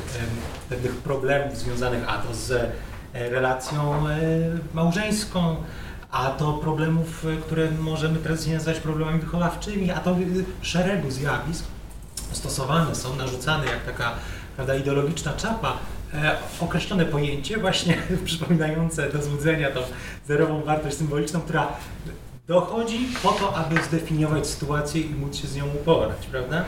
I to, co powiedziałaś, e, dla mnie przynajmniej jest, jest e, szczególnie znaczące, e, gdzie należy upatrywać początku tych, tych praktyk. No, jasne, jest ten element ideologiczny, ale jest też ten element materialny. I widać wyraźnie, że o czym też właśnie Wróblewski pisał, że jednak mamy tu do czynienia, i to jest dlatego tak interesujące uważam z antropologicznego punktu widzenia, że mamy do czynienia z pewną a, zmianą kulturową, która jest, a, no, której koryfeuszem jest, jest rynek, jest, jest, są pewne praktyki związane z, z przepływem nie tylko informacji, ale też przepływem właśnie materialnych zjawisk, instytucji, praktyk kulturowych, prawda? Mhm. Wydaje mi się, czy, czy, czy to Twoim zdaniem jest, jest coś, co, co można też zmierzyć dzisiaj w sposób bardziej, nazwijmy to, a, ilościowy, socjologiczny? Czy, czy są jakieś, jakieś badania wskazujące na to, jak duży jest to problem w sensie, wiesz, no nawet, nawet, nawet czysto ilościowym? Mm, z tematem, e, temat statystyk jest dość interesujący, bo, bo faktycznie e, statystyki dotyczące e, ADHD wskazują na 5% populacji dziecięcej w wieku szkolnym. Ale tak jak zauważa to literatura krytyczna, na przykład China Mills, E, jest to procent powtarzany e, ze statystyk nieprzeprowadzanych w Polsce, e, ale w innych krajach i to się dzieje również w innych kontekstach. Także jest to, zresztą Michał Wróblewski też o tym pisał, on jest bardziej kompetentny niż ja w opowiadaniu o tym, jak jak wiedza medyczna podróżuje z jednego kontekstu do, do, do drugiego. E, także myślę, że ze względu na ten e, sposób e, patrzenia na zaburzenie i na rozumienie go jako problem czysto medyczny, który właściwie jest warunkowany biologicznie, mm, wśród praktyków takie podróżowanie statystyk nie stanowi żadnego problemu, czyli przykładanie 5% z kontekstu, nie wiem, brytyjskiego do polskiego wydaje się ok. Chociaż były, były podejmowane E, próby badań polskich na małych grupach szkolnych, e, które potwierdzały od 3 do 8% e, dzieci, a praktycy, którzy piszą o temacie w takich formatach popularno-naukowych, często posługują się takim porównaniem, że w każdej klasie jest jedno dziecko, które boryka się z problemem ADHD. Natomiast te podejścia krytyczne e, podważają i, i sposoby badania e, i, i w ogóle samo właśnie podróżowanie tych ram statystycznych. Tak, bo tutaj w ogóle abstrahujemy w ogóle od no, takiego naturalistycznego punktu widzenia samej, samego meritum. Czy w ogóle jest sens i jak, czy też jak długo będzie sens mówić w oczach samych psychiatrów o, o tej jednostce diagnostycznej, jaką jest ADHD, prawda? Chodzi mi o to, czy po prostu to istnieje. Wiesz, i mówię z perspektywy absolutnie tutaj, no, nazwijmy to wręcz scientystycznej, no ale okej. Okay, Wiesz, to jest to, to właśnie to pytanie, na które y, jako antropolożka, którego starałam się w ogóle nie ruszać, to znaczy starałam się przyjąć, że y, ponieważ ludzie coś wokół tego robią, to, to jest w takiej formie, tak, że, że to generuje działania społeczne, które mnie E, mnie interesują. Natomiast e, w oczach samych psychiatrów, z którymi rozmawiałam, e, ADHD jest bardzo wdzięczną jednostką diagnostyczną. Jest taką jednostką, którą łatwo się diagnozuje. Jedną z niewielu diagnostek, jednostek, gdzie leki są bardzo dobrze przebadane, gdzie uważa się, że jest taka taka pewność co do bezpieczeństwa substancji, które się stosuje. Wybaczcie, ale to jest fascynujący temat, bo jeden z głównych leków na przykład w Stanach Zjednoczonych stosowanych to jest Adderall, prawda, mm -hmm. dobrze kojarzę. I e, zauważono, że w wypadku osób nie, w, ty, w tym sensie tu jest pewne, pewne kamyczek do ogródka pewnie scientystycznego mówiącego, że jednak jest coś takiego jak ADHD w sensie neurobiologicznym, ponieważ e, dla osób niezdiagnozowanych, jeśli chodzi o ADHD, to Adderall działa e, pobudzająco. Mhm. I dzisiaj jest prawdziwa plaga, szczególnie w tych tak zwanych kreatywnych e, przemysłach, e, czyli w Hollywood, w Dolinie Krzemowej, ale także wśród, w świecie prawników. Jest prawdziwa plaga zażywania Adderallu, e, szczególnie, że jest łatwo dostępny i legalny. To jest też to, o czym, o, o czym mówiliśmy, że, że te diagnozy dziecięce, akurat w przypadku ADHD, tak jest, e, zaczynają się rozszerzać na populacje dorosłe. E, I tutaj w Polsce myślę, że już też, tak jak patrzyłam po szkoleniach dla psychiatrów, ADHD będzie coraz częściej diagnozowaną jednostką. Y, dla mnie mm, myślę zawsze pytaniem, z którym wychodzę, jest to na ile to jest użyteczne i na ile to jest pomocne. Y, I akurat w moich badaniach dotyczących dzieci w tym konkretnym kontekście naprawdę nie był to ruch, który przynosił pozytywną zmianę. Czasem nic się nie zmieniało, czasem właściwie mm, pojawiało się wiele niedobrych doświadczeń. E, ale oczywiście moje badania były e, zlokalizowane mm, w konkretnym kontekście i ja nie wykluczam możliwości, e, że ta jednostka przy konkretnym nastawieniu szkoły, rodziców i dzieci może być pomocna. I to też jest właśnie ciekawe i dlatego trochę chciałam pokazać e, te porcelanowe aniołki na zasadzie takiego kontrastu, żeby się e, trochę nie przychylić tylko, mm, tylko w jedną stronę. E, a wydaje mi się, że trudność badania psychiatrii dzieci i młodzieży w dzisiejszym kontekście kryzysu polega też na tym, że trochę zaczyna się chcieć też objąć skrzydłem tych psychiatrów, którzy starają się walczyć i, i walczą naprawdę niektórzy w makabrycznych warunkach. Oczywiście nie, nie, nie wszyscy. E, więc problemów etycznych i jakichś takich wyzwań e, pojawia się coraz więcej.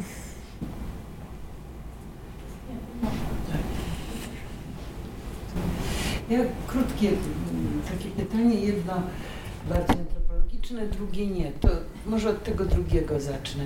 E, czy Pani ma świadomość, od którego wieku można diagnozować ADHD u dzieci?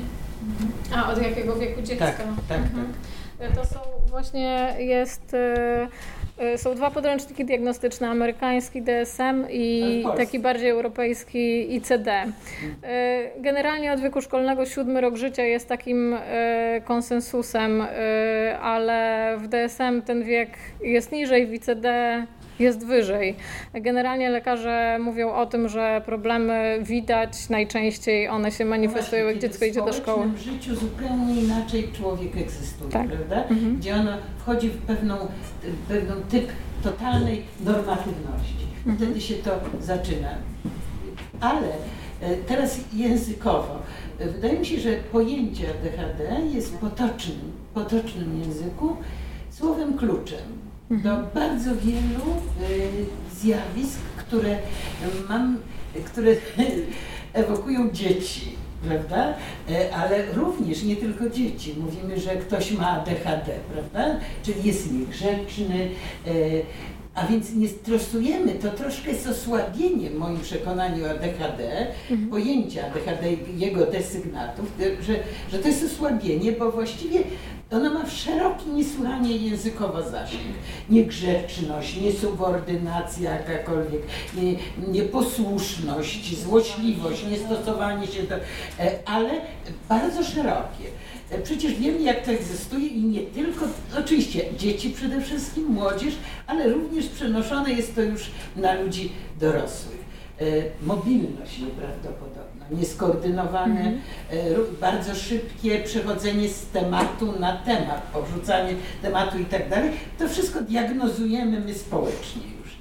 I czy nie jest tak, moje pytanie, że w tych Pani wywiadach dzieci mówią właśnie w taki bardzo ogólny sposób, że przyjmują to ze społeczności rodzinnej, prawda?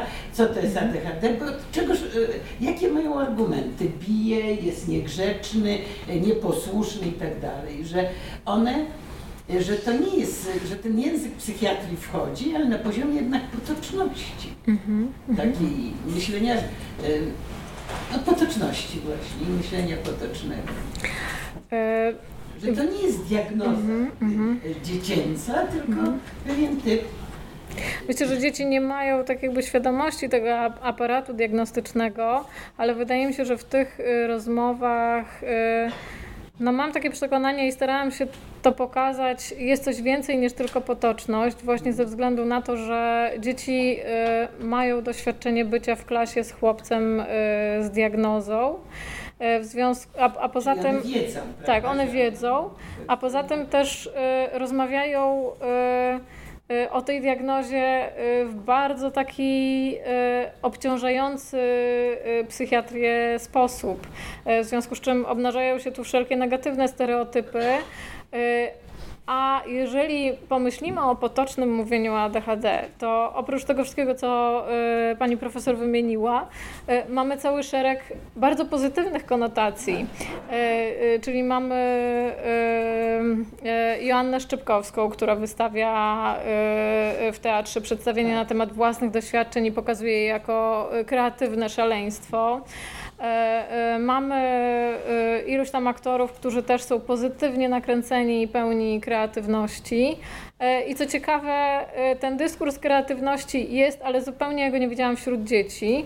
Natomiast widziałam go jako pewną poprawność na polityczną wśród nauczycieli którzy w momencie spotkań ze mną, jak rozmawialiśmy o konkretnych uczniach, mówili, no tak, on jest nieznośny i nie można wytrzymać na lekcji, ale to jest bardzo kreatywne dziecko, y, ale to jest dziecko y, z mnóstwem wspaniałych pomysłów.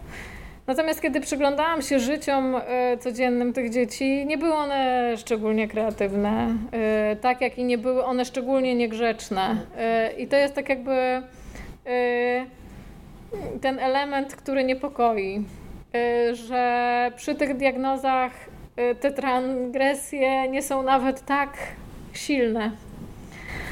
E, ja mam tu jeszcze taki jedną uwagę, że to mhm, Pani doskonale o tym wie, ja się nie zajmowałam, ale że y, istnieje coś takiego jak pewna stygmatyzacja każdej choroby psychicznej. Y, I słowo psychiatra, prawda? Słowo psychiatra już dla dziecka też takiego 11-letniego no, może coś znaczyć, może być czymś, co jest pejoratywne. Y, to dotyczy bardzo wielu chorób, a w szkołach integracyjnych, przecież, które w Łodzi też są, bardzo wyraźnie się mówi, na przykład o dzieciach z Aspergerem, prawda, mhm. że to jest dziecko inne. Natychmiast się używa, również nauczyciele używają słów, które mm, no, mają takie znaczenie troszkę stygmatyzujące, że to jest dziecko inne, że trzeba się nim zająć, ono nie lubi dotyku.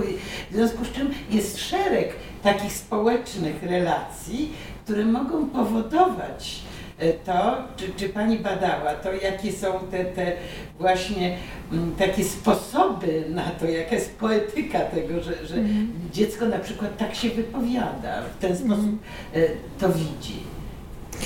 Znaczy myślę, że to, co widziałam wśród dzieci, to, że y, dzieci bardzo szybko wychwytują inność y, jakiego rodzaju, y, ka każdego rodzaju i to, to nie, nie musi być jedynie inność, która kojarzona jest z zachowaniami dotyczącymi ADHD i to, że w szkołach zachowania y, nauczycieli, ale też rodziców, w ogóle dorosłych, którzy są wokół dzieci, jakby bardzo wspierają ten, to negatywne widzenie nienormatywności.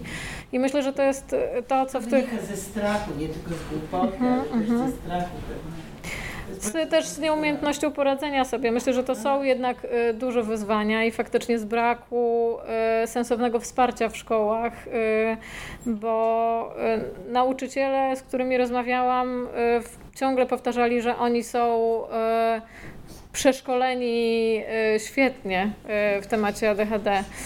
I faktycznie jakby spojrzeć na listę szkoleń, którą przybyli, jest ona dość imponująca. Natomiast to się w żaden sposób nie przekłada na umiejętność praktycznego radzenia sobie y, w klasie. Nie, nie tylko z zachowaniami tego dziecka, ale w ogóle z tematem. Y, nie ma tak jakby potrzeby mówienia o nienormatywności, czy o tak jakby otwarciu się na, y, na zachowania. Nie ma, nie ma tak jakby języka na nazwanie neuroróżnorodności chociażby. I też jednak y, nie ma takiego. Mm, nie ma społecznej adwokatury tego typu języka, y, powiedziałabym, czy jest bardzo, bardzo słaba. A kanały państwowe, które odpowiadają za tą poprawność polityczną y, traktowania dzieci z diagnozami psychiatrycznymi w szkole, wydaje mi się, że są tutaj bardzo zachowawcze i mają takie, wprowadzają dyskursy właśnie bardzo zmedykalizowane, y, y, które nie, nie przyczyniają się do tego, żeby była większa tolerancja, mniej dyskryminacji, większa, większa otwartość. Tak, chciałam skoro ten wątek został wywołany, bo Pani poruszyła bardzo wiele e, różnych problemów, mówiąc o, swoich badaniach, ale skoro ten wątek tutaj, mm, ten wątek został e, przywołany, to ja bym chciała dopytać, bo, bo zwróciło moją uwagę to, co mówiła Pani, o czym mówiła Pani na kanwie tego dialogu dzieci o ADHD i tej próbie scharakteryzowania tej inności, prawda? I powiedziała Pani, z czym bardzo się zgadzam, że jest, jest ta rozmowa, czy może, możemy ją interpretować jako, e, jako e, wyraz pewnego, nie wiem jak to powiedzieć, moralnego, tak, czy, czy prawda, jakiegoś takiego etycznego, tak powiem, osądu. I tam gdzieś jest ta e, psychiatryzacja języka też ma w tym swój udział, że w ten sposób dzieci odróżniają, mówiąc najprościej, zło od, od dobra, wskazując nienormatywne y, zachowania, ale też powiedziała Pani, że y, z tego dialogu można wyciągnąć wnioski co do tego, jak dzieci budują swoją tożsamość. Mnie się wydaje, albo to duży skrót był jakiejś Pani myśli, albo wydaje mi się to dosyć y, takim może za szybkim wnioskiem w tym znaczeniu, że y, ja jestem przekonana, że y, dzieci mają niesamowitą łatwość zapożyczania języka y, dorosłych i posługują się tym zapożyczonym językiem bardzo biegle. Niemniej jednak nie znają sensów, e, jakie e, język niesie. Wobec czego, e, kiedy jest ten tutaj prowadzony trójgłos tak, e, o e, ADHD, to, to, to, to ta y, zasłyszana od dorosłych, bo przecież tam mama mi powiedziała, albo pani, prawda? E, więc wiadomo, że Piotrek czy Krzysiek, prawda, ma y, ADHD, y, no to, że, że to jest y, wiedza y, przyswojona i pozwalająca, y, y, pozwalająca myśleć wedle jakiegoś wzorca, który jest na, narzucony. Więc y, moje, moją wątpliwość budzi to, czy można na tym materiale budować jakieś wnioski dotyczące formowania przez dziecko jego własnej tożsamości. W moim odczuciu ten dialog, e, e, ten dialog właściwie raczej coś odwrotnego moim zdaniem pokazuje. To znaczy jak łatwo narzucić, myślę o tej opresywności, opresyjności e, języka, jak łatwo narzucić dziecku opinię i, i sposób postrzegania świata, e, podsuwając mu e, termin, który, e, którego ono nie rozumie do, dogłębnie, natomiast rozumie na pewno, że, że to jest termin y, naznaczający, prawda? Więc moje pytanie, czy, czy nie, niezbyt szybki jest to wniosek w stosunku do, y, do y, y, materiału, prawda? No bardzo dziękuję za to pytanie i za tą uwagę.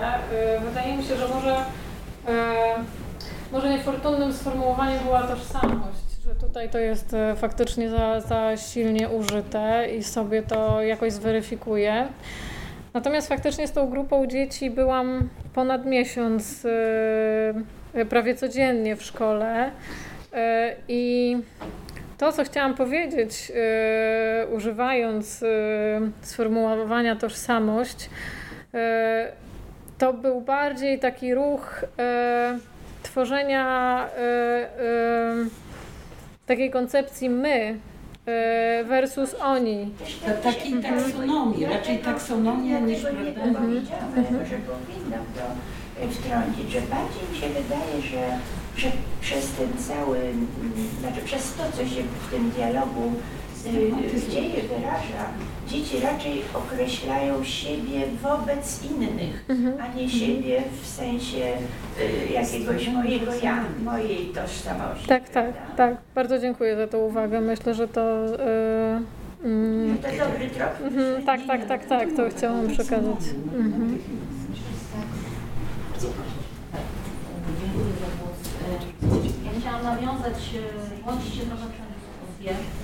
E, Ja bym chyba miała osobiście e, mniejsze może wątpliwości, czy to słowo, nawet jeżeli było użyte przez Panią, tożsamość, tworzenie tożsamości e, było, no nie wiem, wynikało z jakiejś takiej bardziej Pani może intuicji, czy jakiegoś takiego rozpoznania bardziej spontanicznego niż może dogłębnie przemyślanego. Mnie się wydaje, kiedy ja z kolei pracuję z osobami dorosłymi, naznaczanymi też rozmaitymi stygmatami i wynika to z ich oczywiście też sytuacji e, życiowej bardzo różnego rodzaju, przekłada się to i też e, wypływa z ich sytuacji takiej emocjonalnej, też psychicznej, życiowej. E, Wydaje mi się, że jednak to jest tożsamościowe, że używanie tego języka, który wobec e, nas e, ma ktoś inny na opisanie naszego stanu, naszego świata, przekłada się jednak nie tylko, wchodzi jakby trochę głębiej, przekłada się nie tylko na to, że my się określamy w stosunku do tych innych, musimy się jakoś z tym, z tą definicją nas jakoś uporać, Y, Przyjmujemy ją też jednak w jakiś sposób, ale przyjmujemy nie tylko jakby operacyjnie, bo tak z nami rozmawiają, tak nas traktują, w związku z tym reagujemy adekwatnie. To jest jedyna być może płaszczyzna, kiedy jesteśmy w ogóle w stanie nawiązać jakiś komunikat. 11 też lat te dzieci No tak, ale gdzieś się, ja, moje pytanie też, czy, czy mój namysł, moja refleksja dotyczy tego, gdzie się zaczyna ten moment. Ja pracuję z dorosłymi bardzo. No właśnie, to jest... Ale moje pytanie jest takie, gdzie się zaczyna jakby ten moment, kiedy kultura czy społeczeństwo uczy tego rodzaju y, operacji pewnych, kognitywnych, y, językowych, y, takich mentalnych, emocjonalnych, widzenia jakby siebie, gdzie jakby jestem właśnie ja, jak się opiszę wbrew temu, przeciw, no, obok tego jeszcze, e, w jakim sensie będę używać też tego języka e, jakby pozytywnie, no tak właśnie trzeba by było trochę chyba do tego podejść, bo to jest być może jakiś jedyny e, język, który, który mam dostępny. Tak. No, na, ile, na ile wierzę właśnie też w ten opis Mhm, e, siebie. I to, e, jak jestem tak przywołuję, to sobie pozwolę nawiązać do takiej jednej z swojej takiej notatki, którą robiłam podczas Pani prezentacji. E, e, Powiedziała Pani bardzo taką ciekawą rzecz, myślę, że bardzo ważną, szczególnie dla takiej antropologii, która sięga do tych narzędzi, e, no właśnie takiego tak większego zaangażowania, bycia właśnie po stronie, współpracy raczej z kimś niż pisania tylko o kimś, prawda? Takiego stawania obok. Czyli rodzaj takiego jakby nakazu, który odczuwamy, by oddać głos, zabrali głos właśnie nasi, nasi badani, no w zasadzie jakby właśnie niebadani, przez to tracą ten status. E, I czy rzeczywiście mm, ten głos każdy e, dla nas jest równie ważny, jeżeli nie jest tym głosem, który się sprzeciwia wobec systemu. I to też bardzo przecież u Pani wyraźnie zabrzmiało, jaki system jest w ogóle adekwatny, o jakim, czy w ogóle jakikolwiek system jest w naszych oczach adekwatny wobec kogo, prawda? I, I ten, kto zabiera głos, z jakiej pozycji będzie mówił, jako kto będzie się y, wypowiadał, co on ma negować ewentualnie, albo co on ma wspierać, bo kim jest. No, jeżeli tak stawiamy sprawę, no to w zasadzie widzimy rzeczywistość, która jest y, w jednej wielkiej pułapce trochę. zamknięta. W sumie źle, że sprzyja, bo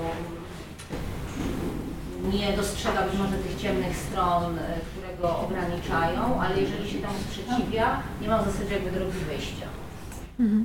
Taka mo- moja mhm. Dziękuję.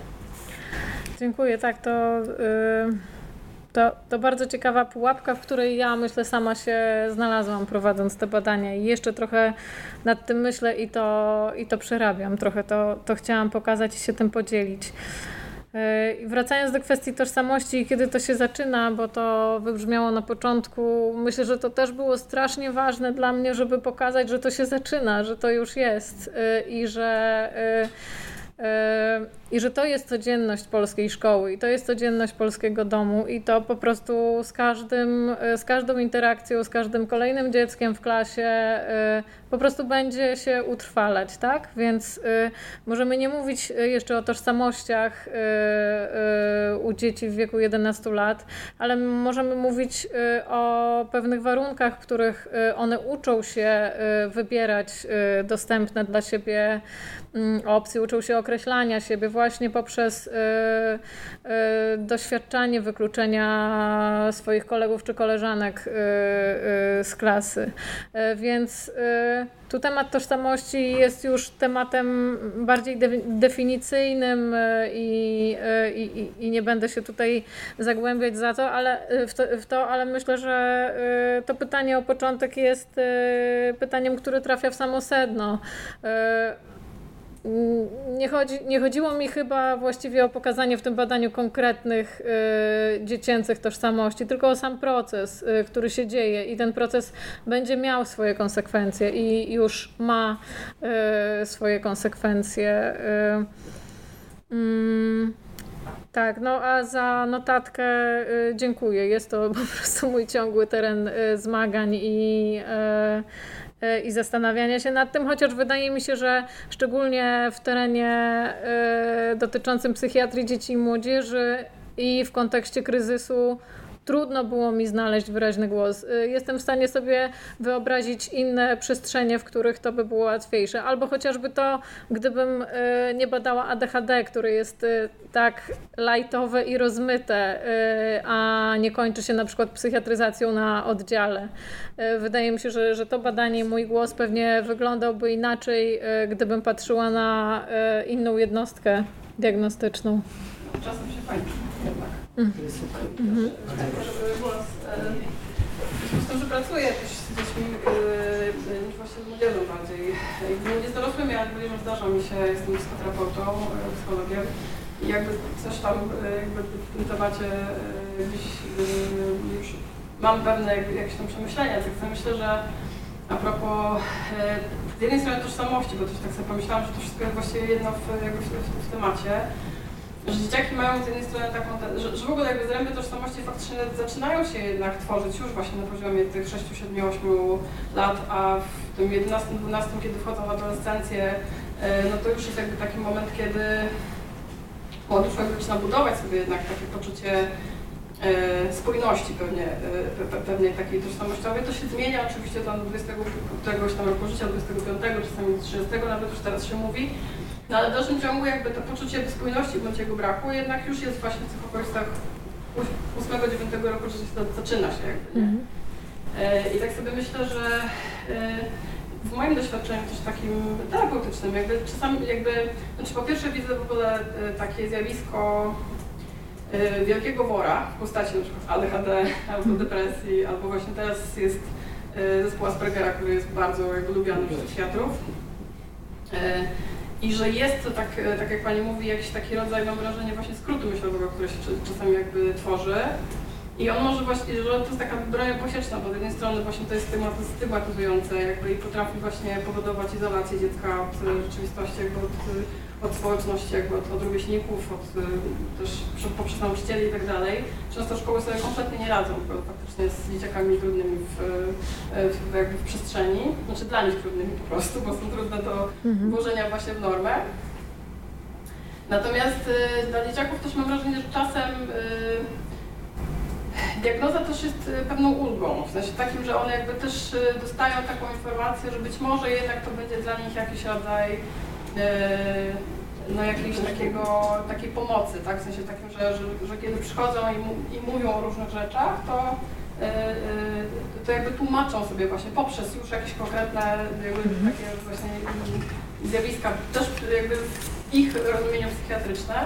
Natomiast mam wrażenie, że znaczy ja akurat pracuję w ten sposób, że ja staram się jednak wyjmować jakby z tych, z, z tego, z tych pojęć objawów, tak? Bo, czy, czy właśnie mhm. diagnoz. Bo faktycznie jest tak, że no, też pracując z dorosłymi pacjentami yy, i tych, yy, historii faktycznie już przeżyłam naprawdę tysiące chyba jakby, yy, to widać, że, że to, to, co się zadziewa faktycznie na poziomie tych pierwszych lat życia, czyli tego, jak funkcjonują w, w jakby w, i w rodzinie pochodzenia, ale potem właśnie szczególnie w szkole, w, w grupie rówieśniczej. To jest bardzo wpływające właśnie na, na autodefinicję potem już na, samym końcu całej tej drogi. E, I wydobycie się z tego już jakby, kiedy już jakby jest taka mocno, że tak powiem, ugruntowana ta, ta, ta, ta tożsamość, jest bardzo trudne, więc tak sobie myślę, że kiedy dziecko dostaje diagnozę, więc de facto też jakby wchodzi do tego systemu pomocy, to być może jest to dla niego właśnie szansa na wydobycie się z tej diagnozy, jakby, że to jest jakby jednak jednocześnie, y, czy może być pomocne, jakby, że, żeby wtedy o tym rozmawiać właśnie, żeby, tym bardziej, że faktycznie ta wiedza teraz jest y, z jednej strony jest zobjawowana mocno, w sensie jakby ten behawioralny y, kawałek jest bardzo, ba- bardzo silny, natomiast mam wrażenie, że ten psychodynamiczny w dalszym ciągu no, szczęście działa, jakby widzimy się nie tylko poprzez właśnie nazywanie różnych rzeczy, ale też poprzez potem, y, co można z tym zrobić w więzi, jak to ma się do jego funkcjonowania, jaki jest tego potencjał, ale też właśnie y, różnego rodzaju trudności z tym związane i, i co można jakby dalej, nie?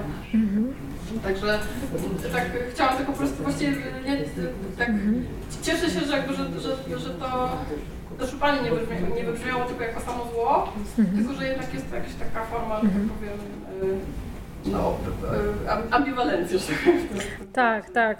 Y, Faktycznie muszę powiedzieć, że y, to wyciąganie tego nie samego zła nie wychodzi z moich doświadczeń badawczych, ale bardziej z obserwacji y, dookoła, że faktycznie problem z tą diagnozą ADHD y, i jakieś moje obserwacje, dlaczego ona w ogóle nie działała u tych dzieci jako coś, co im pomaga, wzmacnia je, czy pomaga w ogóle zdefiniować i zmienić sytuację, która jest y, zła, wynikało między innymi z tego, co ja nazywam spornością y, tej jednostki. Y, Tak się złożyło, że w życiu tych dzieci bardzo często ojciec i matka w ogóle mieli zupełnie rozbieżne y, poglądy na temat w ogóle takiej diagnozy jak ADHD. I myślę, że tutaj jest właśnie takie duże pytanie, które cofa mnie do tego, co ja jako antropolożka mam mówić na temat psychiatrii i psychiatryzacji, bo wydaje mi się, że im więcej będzie krytycznych głosów podkopujących psychiatrię, tym mniejsze są, znaczy tym po prostu te doświadczenia dzieci będą trudniejsze, e, ponieważ takim wymiernym e, problemem, z jakim te dzieciaki się spotykają, to jest właśnie to, że e, jedni mówią, że tego nie ma, inni mówią, ty jesteś po prostu niegrzeczny, nie daj Boże w szkole, a mama po prostu przychodzi od lekarza i walczy o to, żeby ta diagnoza została uznana. Więc w tym sensie ja uważam, że te dzieci, które ja spotkałam, nie miały w ogóle warunków do tego, żeby ta e, diagnoza e, stała się im naprawdę pomocna. Właśnie dlatego, że e, otoczenie, w którym te dzieci były, nie mówiło jednym głosem i nie miało też pozytywnego stosunku e, Z do. drugiej strony jakby pytanie brzmi z- mojej strony, czy właściwie no, trochę jakby znam na nie odpowiedź właśnie jakby, w, jakby kiedy pracuję z pacjentami, że też często jednak no, jakby sama jednostka pojawia się właśnie w związku z, jakby systemem rodzinnym, który jest Mhm. związku z jakby, Mhm. że te, te niespójności, tak jakby, to jakby dziecko jest pewne- pewnego rodzaju głosem rodziny de, Tak. de facto często, nie? Że, że jakby, Więc jakby trudno też jakby, nie, że- żeby, żeby y, mm, jakby wyjmować to dziecko z, jakby z całej historii i myśleć sobie, że ono ma objawy, no to ono jest problemem, a jakby cała reszta jakby jest okej, nie? To jest kompletna bzdura, szczególnie na poziomie dziecięcych jakby doświadczeń. I trochę dla mnie y, to jest mój osobisty problem z tą jednostką diagnostyczną i, i, i faktycznie z tym, co widziałam y, w trakcie badań, że tak jakby wszystko przestaje istnieć i jest tylko, tylko dziecko, Y, a tak naprawdę poprawa funkcjonowania dziecka no, wymaga poprawy funkcjonowania świata, w którym ono, ono jest. I trochę ten biomedyczny model pcha to w inną stronę, ale dokładnie to, co Pani powiedziała, nie jest to jedyny oczywiście y, paradygmat, w którym y, ADHD jest y, praktykowane też w Polsce, bo właśnie tutaj ogromnym obszarem jest wsparcie psychologiczne i terapeutyczne, które jednak opiera się na trochę, trochę innych, innym spojrzeniu. Także dziękuję bardzo za ten głos.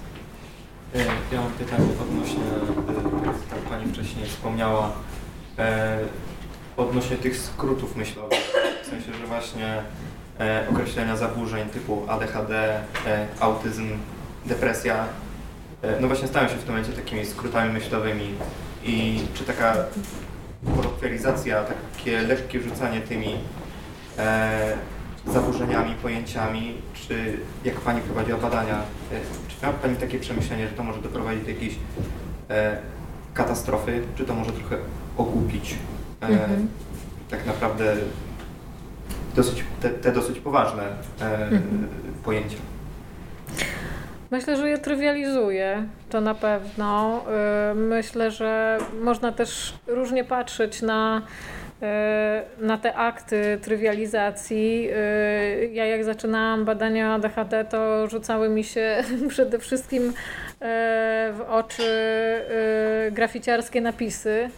Y, ADHD na ulicach, co w pewnym sensie raczej interpretowałam to jako y, również formę wyzwania i oporu, albo może próbę y, za y, właściwie przywłaszczenia sobie tego języka y, medycznego i pokazania nim trochę, że y, no, my jesteśmy silni w taki sposób. Więc myślę, że to może grać na bardzo różnych frontach. Natomiast e, patrząc na kultury dziecięce i na używanie sformułowania ADHD, tak jak, tak jak Pan powiedział, czy rzucanie przez dzieci do siebie, ty ADHD-owcu na przerwie, kiedy to nie ma nic wspólnego z diagnozą medyczną, nie, na pewno nie jest, e, nie jest pomocne. E, Jeżeli popatrzymy z perspektywy dziecka, które dostaje tą diagnozę i, i, boryka się e, z problemem. Natomiast nie widzę tak jakby żadnych działań, które mm, mają tę trywializację wiedzy psychiatrycznej e, zatrzymać. Być może na jakimś wyższym poziomie jest to też forma spuszczenia napięcia e, z tych e, jakże na, naładowanych pojęć, co do których koniec końców wie, wielu z nas nie ma, nie ma pewności, czy, czy, czy pomagają, czy nie. Ale, ale tak, tak, myślę, że to jest Tak, temat. to, a potem, bo ja chodzę bardzo a propos tego pytania, e, w, jak e, Pani uważa, co powinniśmy jako badacze, ja jestem akurat socjologiem, e, robić w sytuacji, kiedy takie terminy są używane w tej takiej trywialnej, czasami zasułkowatej formie przez e, jakby poważne postaci życia publicznego. Tak? W ciągu ostatniego półtora roku dwa razy się przydarzyło, kiedy jeden z najbardziej znanych polskich dziennikarzy użył zwrotu, zwrotu autystyczny w stricte pejoratywnym terminie do określenia nielubionego polityka.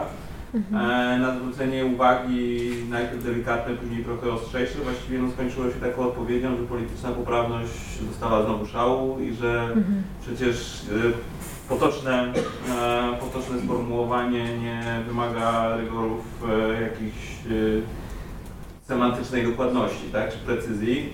E, No i właśnie chciałem dopytać, jak, jak, jak, jak Pani zdaniem powinniśmy reagować, bo to jest bardzo ciekawe też w tym całym projekcie i coraz częściej mam takie wrażenie, że antropologowie tym się różnią od socjologów, że przy całym zachowaniu rygoryzmu meto- metodologicznego e, i naukowego nie udają, że są apolityczni i nie udają, że, e, że ich badania mają także polityczne znaczenie. E, Chciałem zapytać właśnie, jak, jak, jak, jak z takim oswajaniem tych terminów takich e, e, no, przez, przez liderów dyskursu powiedzmy, tak, ludzi, którzy jakoś tam wpływają na to, jak, jak, jak mówimy i jak wygląda dyskurs.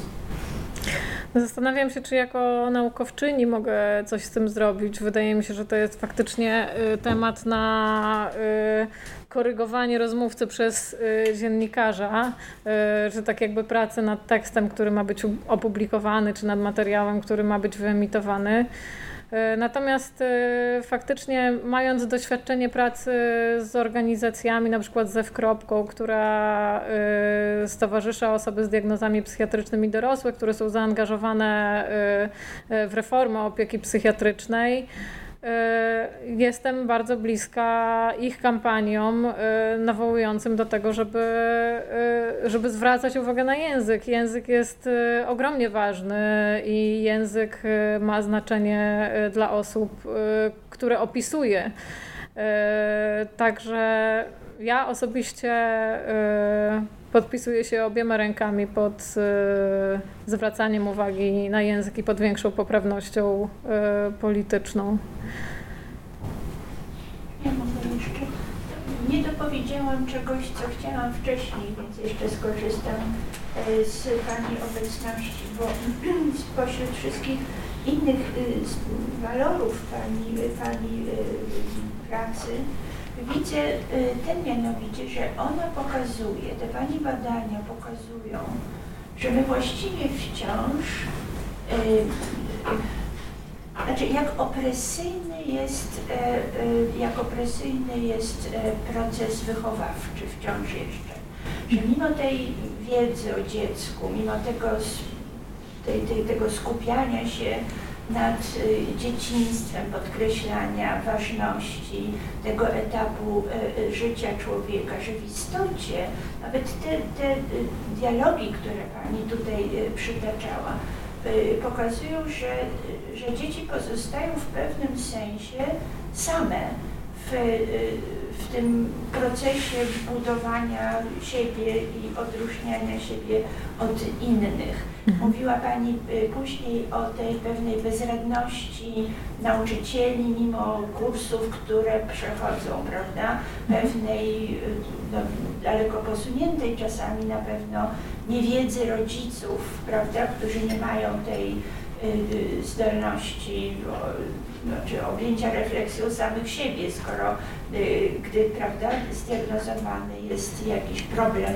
E, u, u, u dziecka, to mówi mhm. Pani. I to znaczy, myślę, że to bardzo jest trafna uwaga, że się wtedy skupiają na dziecku, nie, no to co Pani sama przed chwilą powiedziała, prawda, nie, nie zadając sobie nawet pewnie takiego pytania, może coś z nami jest tak, skoro, e, skoro dziecko tak się zachowuje. Ale ja myślę, że brakuje właśnie w systemie edukacji prawda, y, takiego po prostu uczenia dziecka tego, że, że jesteśmy różni, mówiąc w dużym skrócie, że rozmaicie każdy z nas może reagować na, na różne mm, zdarzenia, na różne doświadczenia. I, i i wtedy pewnie osłabiałyby się te normy, które wciąż jeszcze są sztywno bardzo, prawda, określane bycia grzecznym, bycia niegrzecznym, bycia niekreatywnym, kreatywnym, prawda, y, nadaktywnym, bo co to jest nadaktywność w istocie? Prawda? Mhm. Także tu mam takie, wie Pani, skojarzenie. Przypomniało mi się, że y, w trakcie krótkiej swojej bytności w, y, w Bergen widziałam, miałam takie, taką możliwość oglądania podręczników. To się nazywa religia, etyka, jakiś taki przedmiot, mhm. no, właśnie uczący przede właśnie ku mojemu zdumieniu, czego, co tam w tym, w tym podręczniku jest. Tam jest po prostu wiedza o tym, że jesteśmy różni i że to jest coś oczywistego, prawda? To znaczy nie we wczesnym wychowaniu dziecka nie komunikuje mu się przede wszystkim norm, ale y, właśnie zwraca y, uwagę na to, no właśnie na jakieś tożsamościowe w ostateczności, mhm. prawda? Jakieś e, e, kwestie wskazując różnorodność, a nie konieczność stosowania się do jednego, jednego wzorca. I ta opresywność, którą Pani podkreślała wielokroć, wydaje mi się wciąż jeszcze czymś, co przenika, y, przenika proces wychowania i także proces tworzenia się tożsamości dziecka, niezależnie od tego, w jakim wieku byśmy widzieli ten początek tego procesu. E, zaryzykowałabym stwierdzenie, że też e, wzmacnia się e, taka polityka bardziej konserwatywna i widać to chociażby na przykładzie adopcji właśnie, kiedy dzieci w klasie nie mają, czy, czy w ogóle rozmowy o rodzinie. Y, nawiązuję do adopcji, dlatego że ostatnio u mojego syna w klasie wynikła rozmowa na temat, y, na temat adopcji, bo dzieci zaczęły przynosić y, informacje o tym, że jeden z chłopców w szkole jest adoptowany, sam to wyznał. I tak jakby to, co toczyło się pomiędzy chłopcami, rozmowy, jakie prowadzili, zdecydowanie zdecydowanie wskazywało na to, że jest tu ogromna potrzeba wsparcia, ogromna potrzeba przegadania tego, że rodziny są różne, że powstają w różny sposób, że to jest po prostu e, jeden ze sposobów e, tworzenia rodziny i tak, y, tak, że rodzina jest to przede wszystkim więź. Y, natomiast nie ma tutaj chętnych do podjęcia y, tego tematu. Znaczy, to jakby nie chcę generalizować. Na pewno są nauczyciele, którzy to robią. Mm, tak, tak. Natomiast myślę, że jest to nie jest to na pewno, tak jak w przypadku pani powiedziała, nie ma do tego podręczników, nie jest to na pewno polityka, y, którą się wprowadza do szkół. Mogą to być y, y, jednostkowe przemyślenia nauczycieli, którzy wyznają akurat takie, a nie inne wartości i chcą dzieci ukierunkowywać w ten sposób. Więc dla mnie te badania też trochę nauczyły mnie tego, że nie chodzi tutaj tylko o zaburzenia psychiatryczne, tylko tak jak pani mówi, chodzi o pewną akceptację różnorodności, uczenie pewnego podejścia do, e, do inności, e, co jest oczywiście e, bardzo antropologiczne i chyba powinniśmy z tego wywieźć dyskusję, jak wprowadzać do szkół antropologię, czy myślenie antropologiczne. Też tak, ale to już jest dużo, dużo szerszy temat.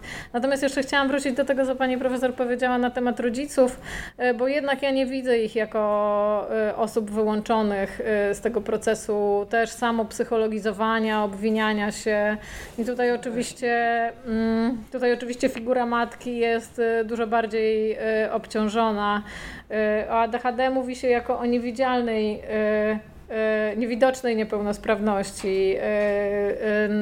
I tutaj tak jakby ta diagnoza była taka teza, że ona ma odciążyć matki, bo wreszcie to nie chodzi przecież o złe wychowanie, tylko o to, że E, że to jest biologia, tak? Więc jaka tutaj w tym jest wina matki, ale mm, oczywiście cały aparat y, terapeutyczny, diagnostyczny powoduje, że te matki są w nieustannej pogoni za, y, za odpowiednią diagnozą, za odpowiednią terapią, za odpowiednim wsparciem i za to są po raz kolejny oceniane i za to są po raz kolejny obwiniane. Więc jeżeli dziecko nie jest dobrze sterapeutyzowany. Jeżeli mimo diagnozy źle się zachowuje, to mm, matka tak jakby negocjuje ciągle swoją winę y, i, i, i tutaj ten proces y, interpretacji, dlaczego tak, dlaczego nie, y, ile jest tutaj mojego zachowania, a ile faktycznie jakichś takich biologicznych procesów w ciele mojego dziecka, to wciąż jest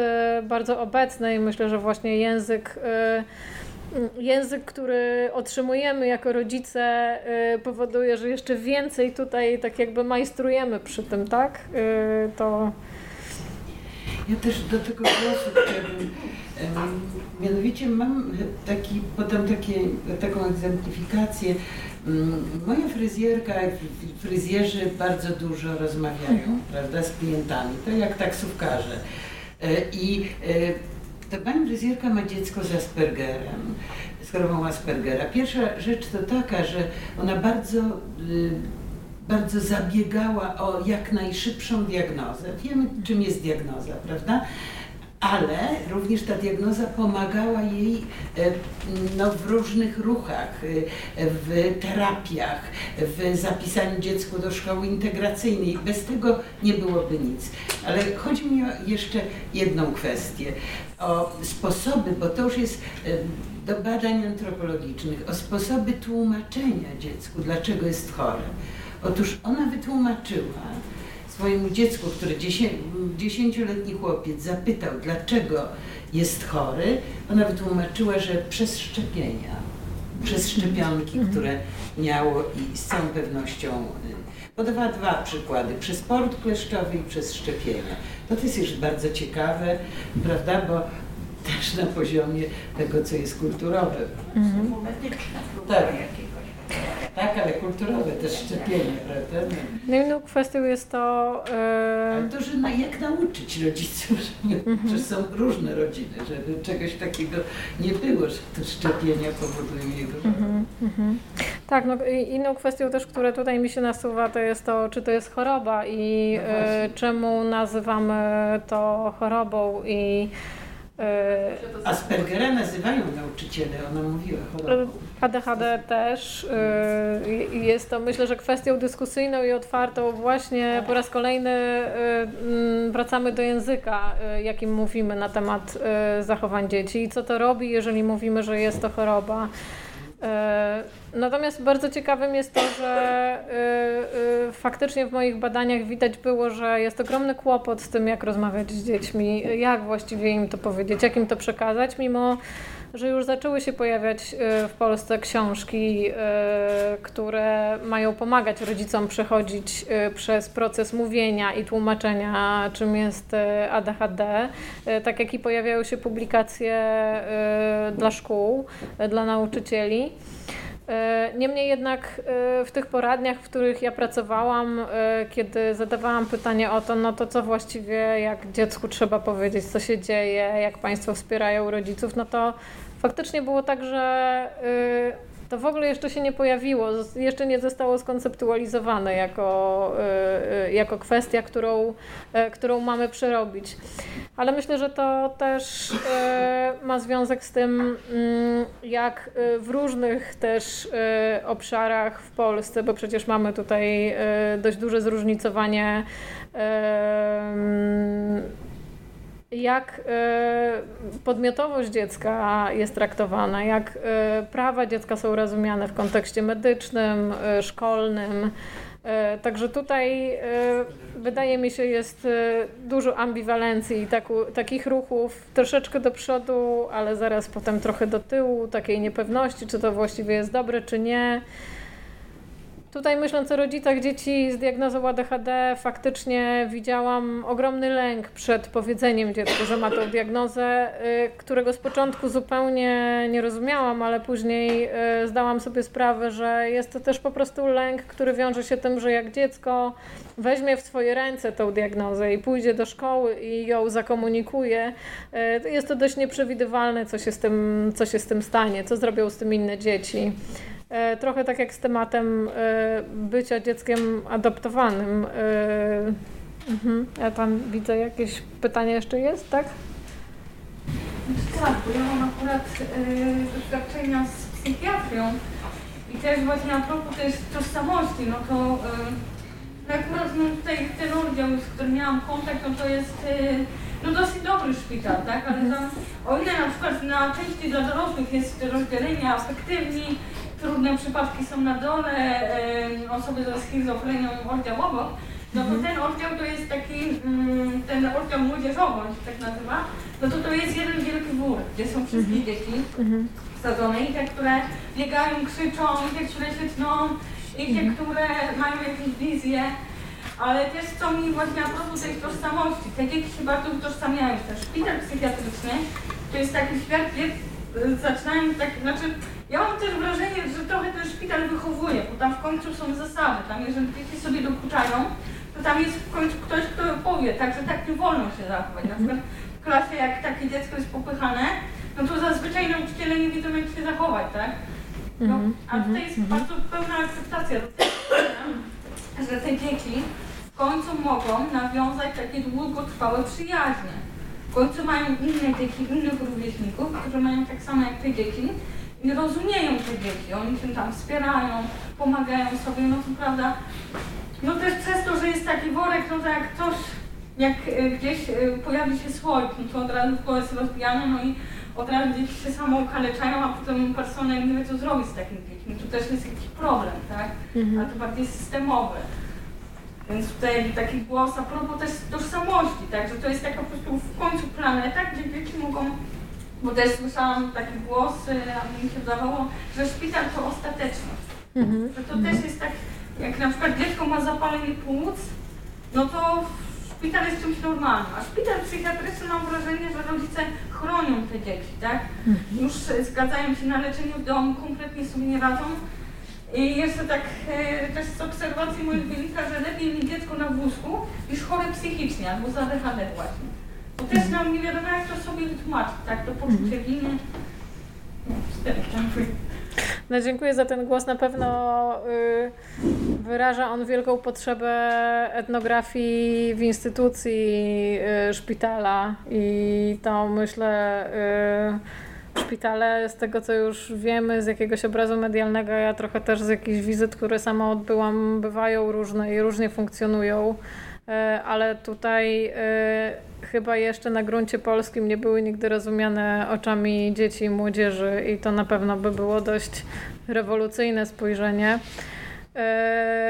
I na pewno też pozwoliłoby nam zobaczyć szpital jako niejednoznacznie zły, co trochę teraz właśnie się w nas stabilizuje, takie pojęcie szpitala. E, przynajmniej z tego co rozumiem, e, z walki dorosłych osób z diagnozami psychiatrycznymi, które biorą udział w kampaniach społecznych i, i, i w działaniach reformujących psychiatrię. Szpital, pomimo całej swojej przemocowości, bo tam oczywiście jest działanie, przeciwdziałanie przemocy w szpitalu, jest miejscem, do którego oni absolutnie mają świadomość, że, że będą trafiać i że im to pomaga. Także tutaj absolutnie jest też. Ruszyła Pani taki punkt, który w dyskusji publicznej nie jest poruszany, a myślę, że jest, że jest bardzo ważny. I trochę też traf, wraca do tego tematu, czy diagnozy mogą pomagać. Yy, więc oczywiście tak, to wszystko może pomagać i pewnie też zadaniem antropologów.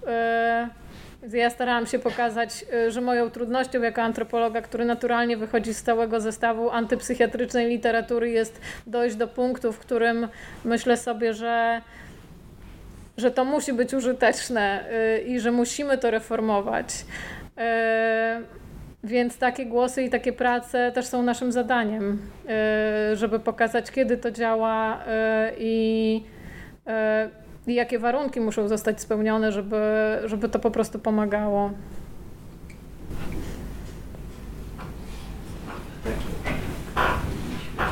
Jeszcze na koniec, myślę, że teraz nie pojawiało jeszcze pytań. Mam e, e, pytanie do Ciebie na temat ogólnej ramy teoretycznej związanej z tymi ewentualnymi kłopotami, z, z teorią i praktyką studiów nad dzieciństwem. E, tak jak w krótkim wstępie zaznaczyłem, że w istocie ten, ta, samo uformowanie się studiów nad dzieciństwem było w jakiejś mierze związane z reakcją na psychologię rozwojową. Pytanie jest takie, czy właśnie studia nad dzieciństwem, z jednej strony implementując siebie cały ten ruch antypsychiatryczny, z drugiej strony z tym e, akcentem położonym na właśnie sprawczość dzieci, która jak sami niektórzy etnografowie, czy też etnografowie związani z badaniami nad dziećmi, nad dzieciństwem e, podkreślają jego czasami już wręcz fetyszystyczny, mm fetyszystyczny charakter. Jak Ty się w tym odnajdujesz? Bo uważam, że to jest bardzo ważne i ciekawe, plus pojęcie, które stosowałaś. Wiem, że jest rozłożone, ale chciałbym, żebyś coś więcej o, o nim powiedziała. Chodzi mi o owe kultury dziecięce. Czy z antropologicznego punktu widzenia to razu zapala się nam czerwona lampka i czujemy pewną, no, no, no jest, było to raczej, w naszym odczuciu jest dość problematyczne mm -hmm. pojęcie. Ja bym chciała się do tego ustosunkować. Myślę, że faktycznie y, studia nad dzieciństwem y, już przechodzą swoje kryzysy y, i ja jak sięgałam po literaturę z tego zakresu, żeby zbudować ten projekt badawczy, to miałam taki hura optymistyczny stosunek do właśnie korzystania z dziecięcych głosów i w ogóle byłam zachłysnięta tą metodologią, która pozwalała, stwarzała dzieciom możliwość wypowiadania się. E, natomiast e, jest to oczywiście mm, jest to obszar wiedzy, który, który się rozwija i który sam się krytykuje, tak? W związku z czym pomimo tego, że ten główny nurt będzie dalej opierał się na e, umożliwianiu e, e, dzieciom wypowiadania się na różne tematy i, i te głosy będą eksponowane w pracach naukowych, to niemniej jednak jest już dużo większy krytycyzm i taka potrzeba jednak zwrócenia uwagi na, na rzeczywistość, z której te głosy wychodzą i na fakt, że no są po prostu sytuacje, w których y, dzieci y, nie będą po prostu nam y, podawać swoich opinii w kontekście badań, że tak jakby ważniejsze jest patrzenie, patrzenie na coś innego i i absolutnie konieczne jest przestać patrzeć na dzieci jak na omnipotentnych aktorów y, światów społecznych, bo... Mm, ze skrajności w skrajność tutaj popatrzymy mm teoretycznie, -hmm. też -hmm. praktycznie. Mhm, mhm. Natomiast myślę, że kultury dziecięce y, w, tak, w liczbie mnogiej są cały czas czymś, co się bronią, dlatego że my jako dorośli, czy w ogóle kultura, nasze, nasze społeczeństwo, inne społeczeństwa y, tworzą tworzą jakby y, samo to pojęcie, rozumieją dzieci jako odrębny świat, y, tworzą y, i odrębną kulturę materialną dla dzieci, odrębne książki. Innym tematem jest to, że coraz częściej te teksty kultury są mimikrą dorosłego świata. E, czy tak jakby coraz bardziej e, otwieramy e, w świecie dzieci tematy, które do tej pory były tabuizowane. No niemniej jednak cały czas jest to ten projekt dziecko i, i w tym sensie myślę, że kultury dziecięce są mm, są pewnym terminem, który nie przestaje mieć znaczenia. Y, chociaż poprzez właśnie y, metodologię childhoodsową y, możemy trochę też to rozbrajać, bo możemy patrzeć na to, w jaki sposób dzieci się tym bawią, co z tym robią, jak właściwie może czasem zupełnie wywrotowo to traktują. Pytanie liczbę mnogą, rozumiem dystrybutywny charakter tutaj rozumienia tych -hmm. dziecięcych, bo rzecz polega na tym, że właśnie w ramach też tej refleksji no, trzeba by też włączyć tą naszą antropologiczną skłonność do komparatystyki i do spojrzenia na e, dzieci, także no, mhm. spoza obszaru weird, prawda? I z, z, spoza obszaru świata no, tak zwanego rozwiniętego i tak dalej. Pytanie, czy właśnie e, to, ten destruktywny charakter, owe drogi kultury dziecięce mają taki zamysł, czy, e, czy taki jest zamysł ich stosowania, czy też w ramach kultur weird będziemy mówić o kulturach dziecięcych, a dlaczego nie o kulturze w takim razie, jeżeli tutaj można by zaobserwować jednak jakąś a, homogeniczność, przynajmniej podejścia do tego. Myślę, że nie obserwujemy homogeniczności. Pewnie są, e, są na pewno tendencje do homogenizowania, które wiążą się z rynkiem i z tym, e, e, jak mm, pewne przepływy transnarodowe kształtują kultury w różnych częściach świata. Niemniej jednak właśnie to podejście childhoodsowe i nacisk na pluralność kultur, kultur dziecięcych wynika w moim odczuciu y, z praktyki badawczej i, i, i z, z etnografii, z tego, że faktycznie y, jak wejdziesz w kultury dziecięce i zaczynasz je badać, od jednego przedszkola do drugiego przejdziesz, to są one zupełnie różne. Szkoła waldorfowska nie jest szkołą podstawową publiczną i, i zupełnie inna, inny świat dziecka jest generowany i współtworzony przez dzieci w tym kontekście, a inne w tym. Także ten pluralizm sięga dużo dalej niż północ, południe czy egzotyka i to, co jest nam bliskie. Ten pluralizm zakłada, że tutaj na miejscu w Polsce mamy bardzo wiele kultur dziecięcych i, i możemy tak jakby do nich antropologicznie zaglądać. To jest tylko zawsze pytanie, wracamy do, do naszej stałej dyskusji, co będziemy rozumieć przez kulturę, jak będziemy ją definiować. Oczywiście. Bo, rozumieć, nie? No, mówienie w ten sam sposób możemy mówić o kulturze pracy w jakiejś określonej instytucji i nie e, definiowanej, e, kategoryzowanej abstrakcyjnie, ale na przykład no, panuje taka inna kultura pracy w tej mhm. remisie strażackiej z innej, prawda? Zawsze. Tak, myślę, że tutaj e, w ramach childhoodowych e, studiów były inne pilne potrzeby niż dekonstrukcja pojęcia kultur dziecięcych. Także myślę, że to jest jeszcze przed, przed nami. Tak. E, No, to chyba myślę, że możemy na, na, na, na tym zakończyć. Bardzo serdecznie. Bardzo dziękuję Państwu za rozmowę.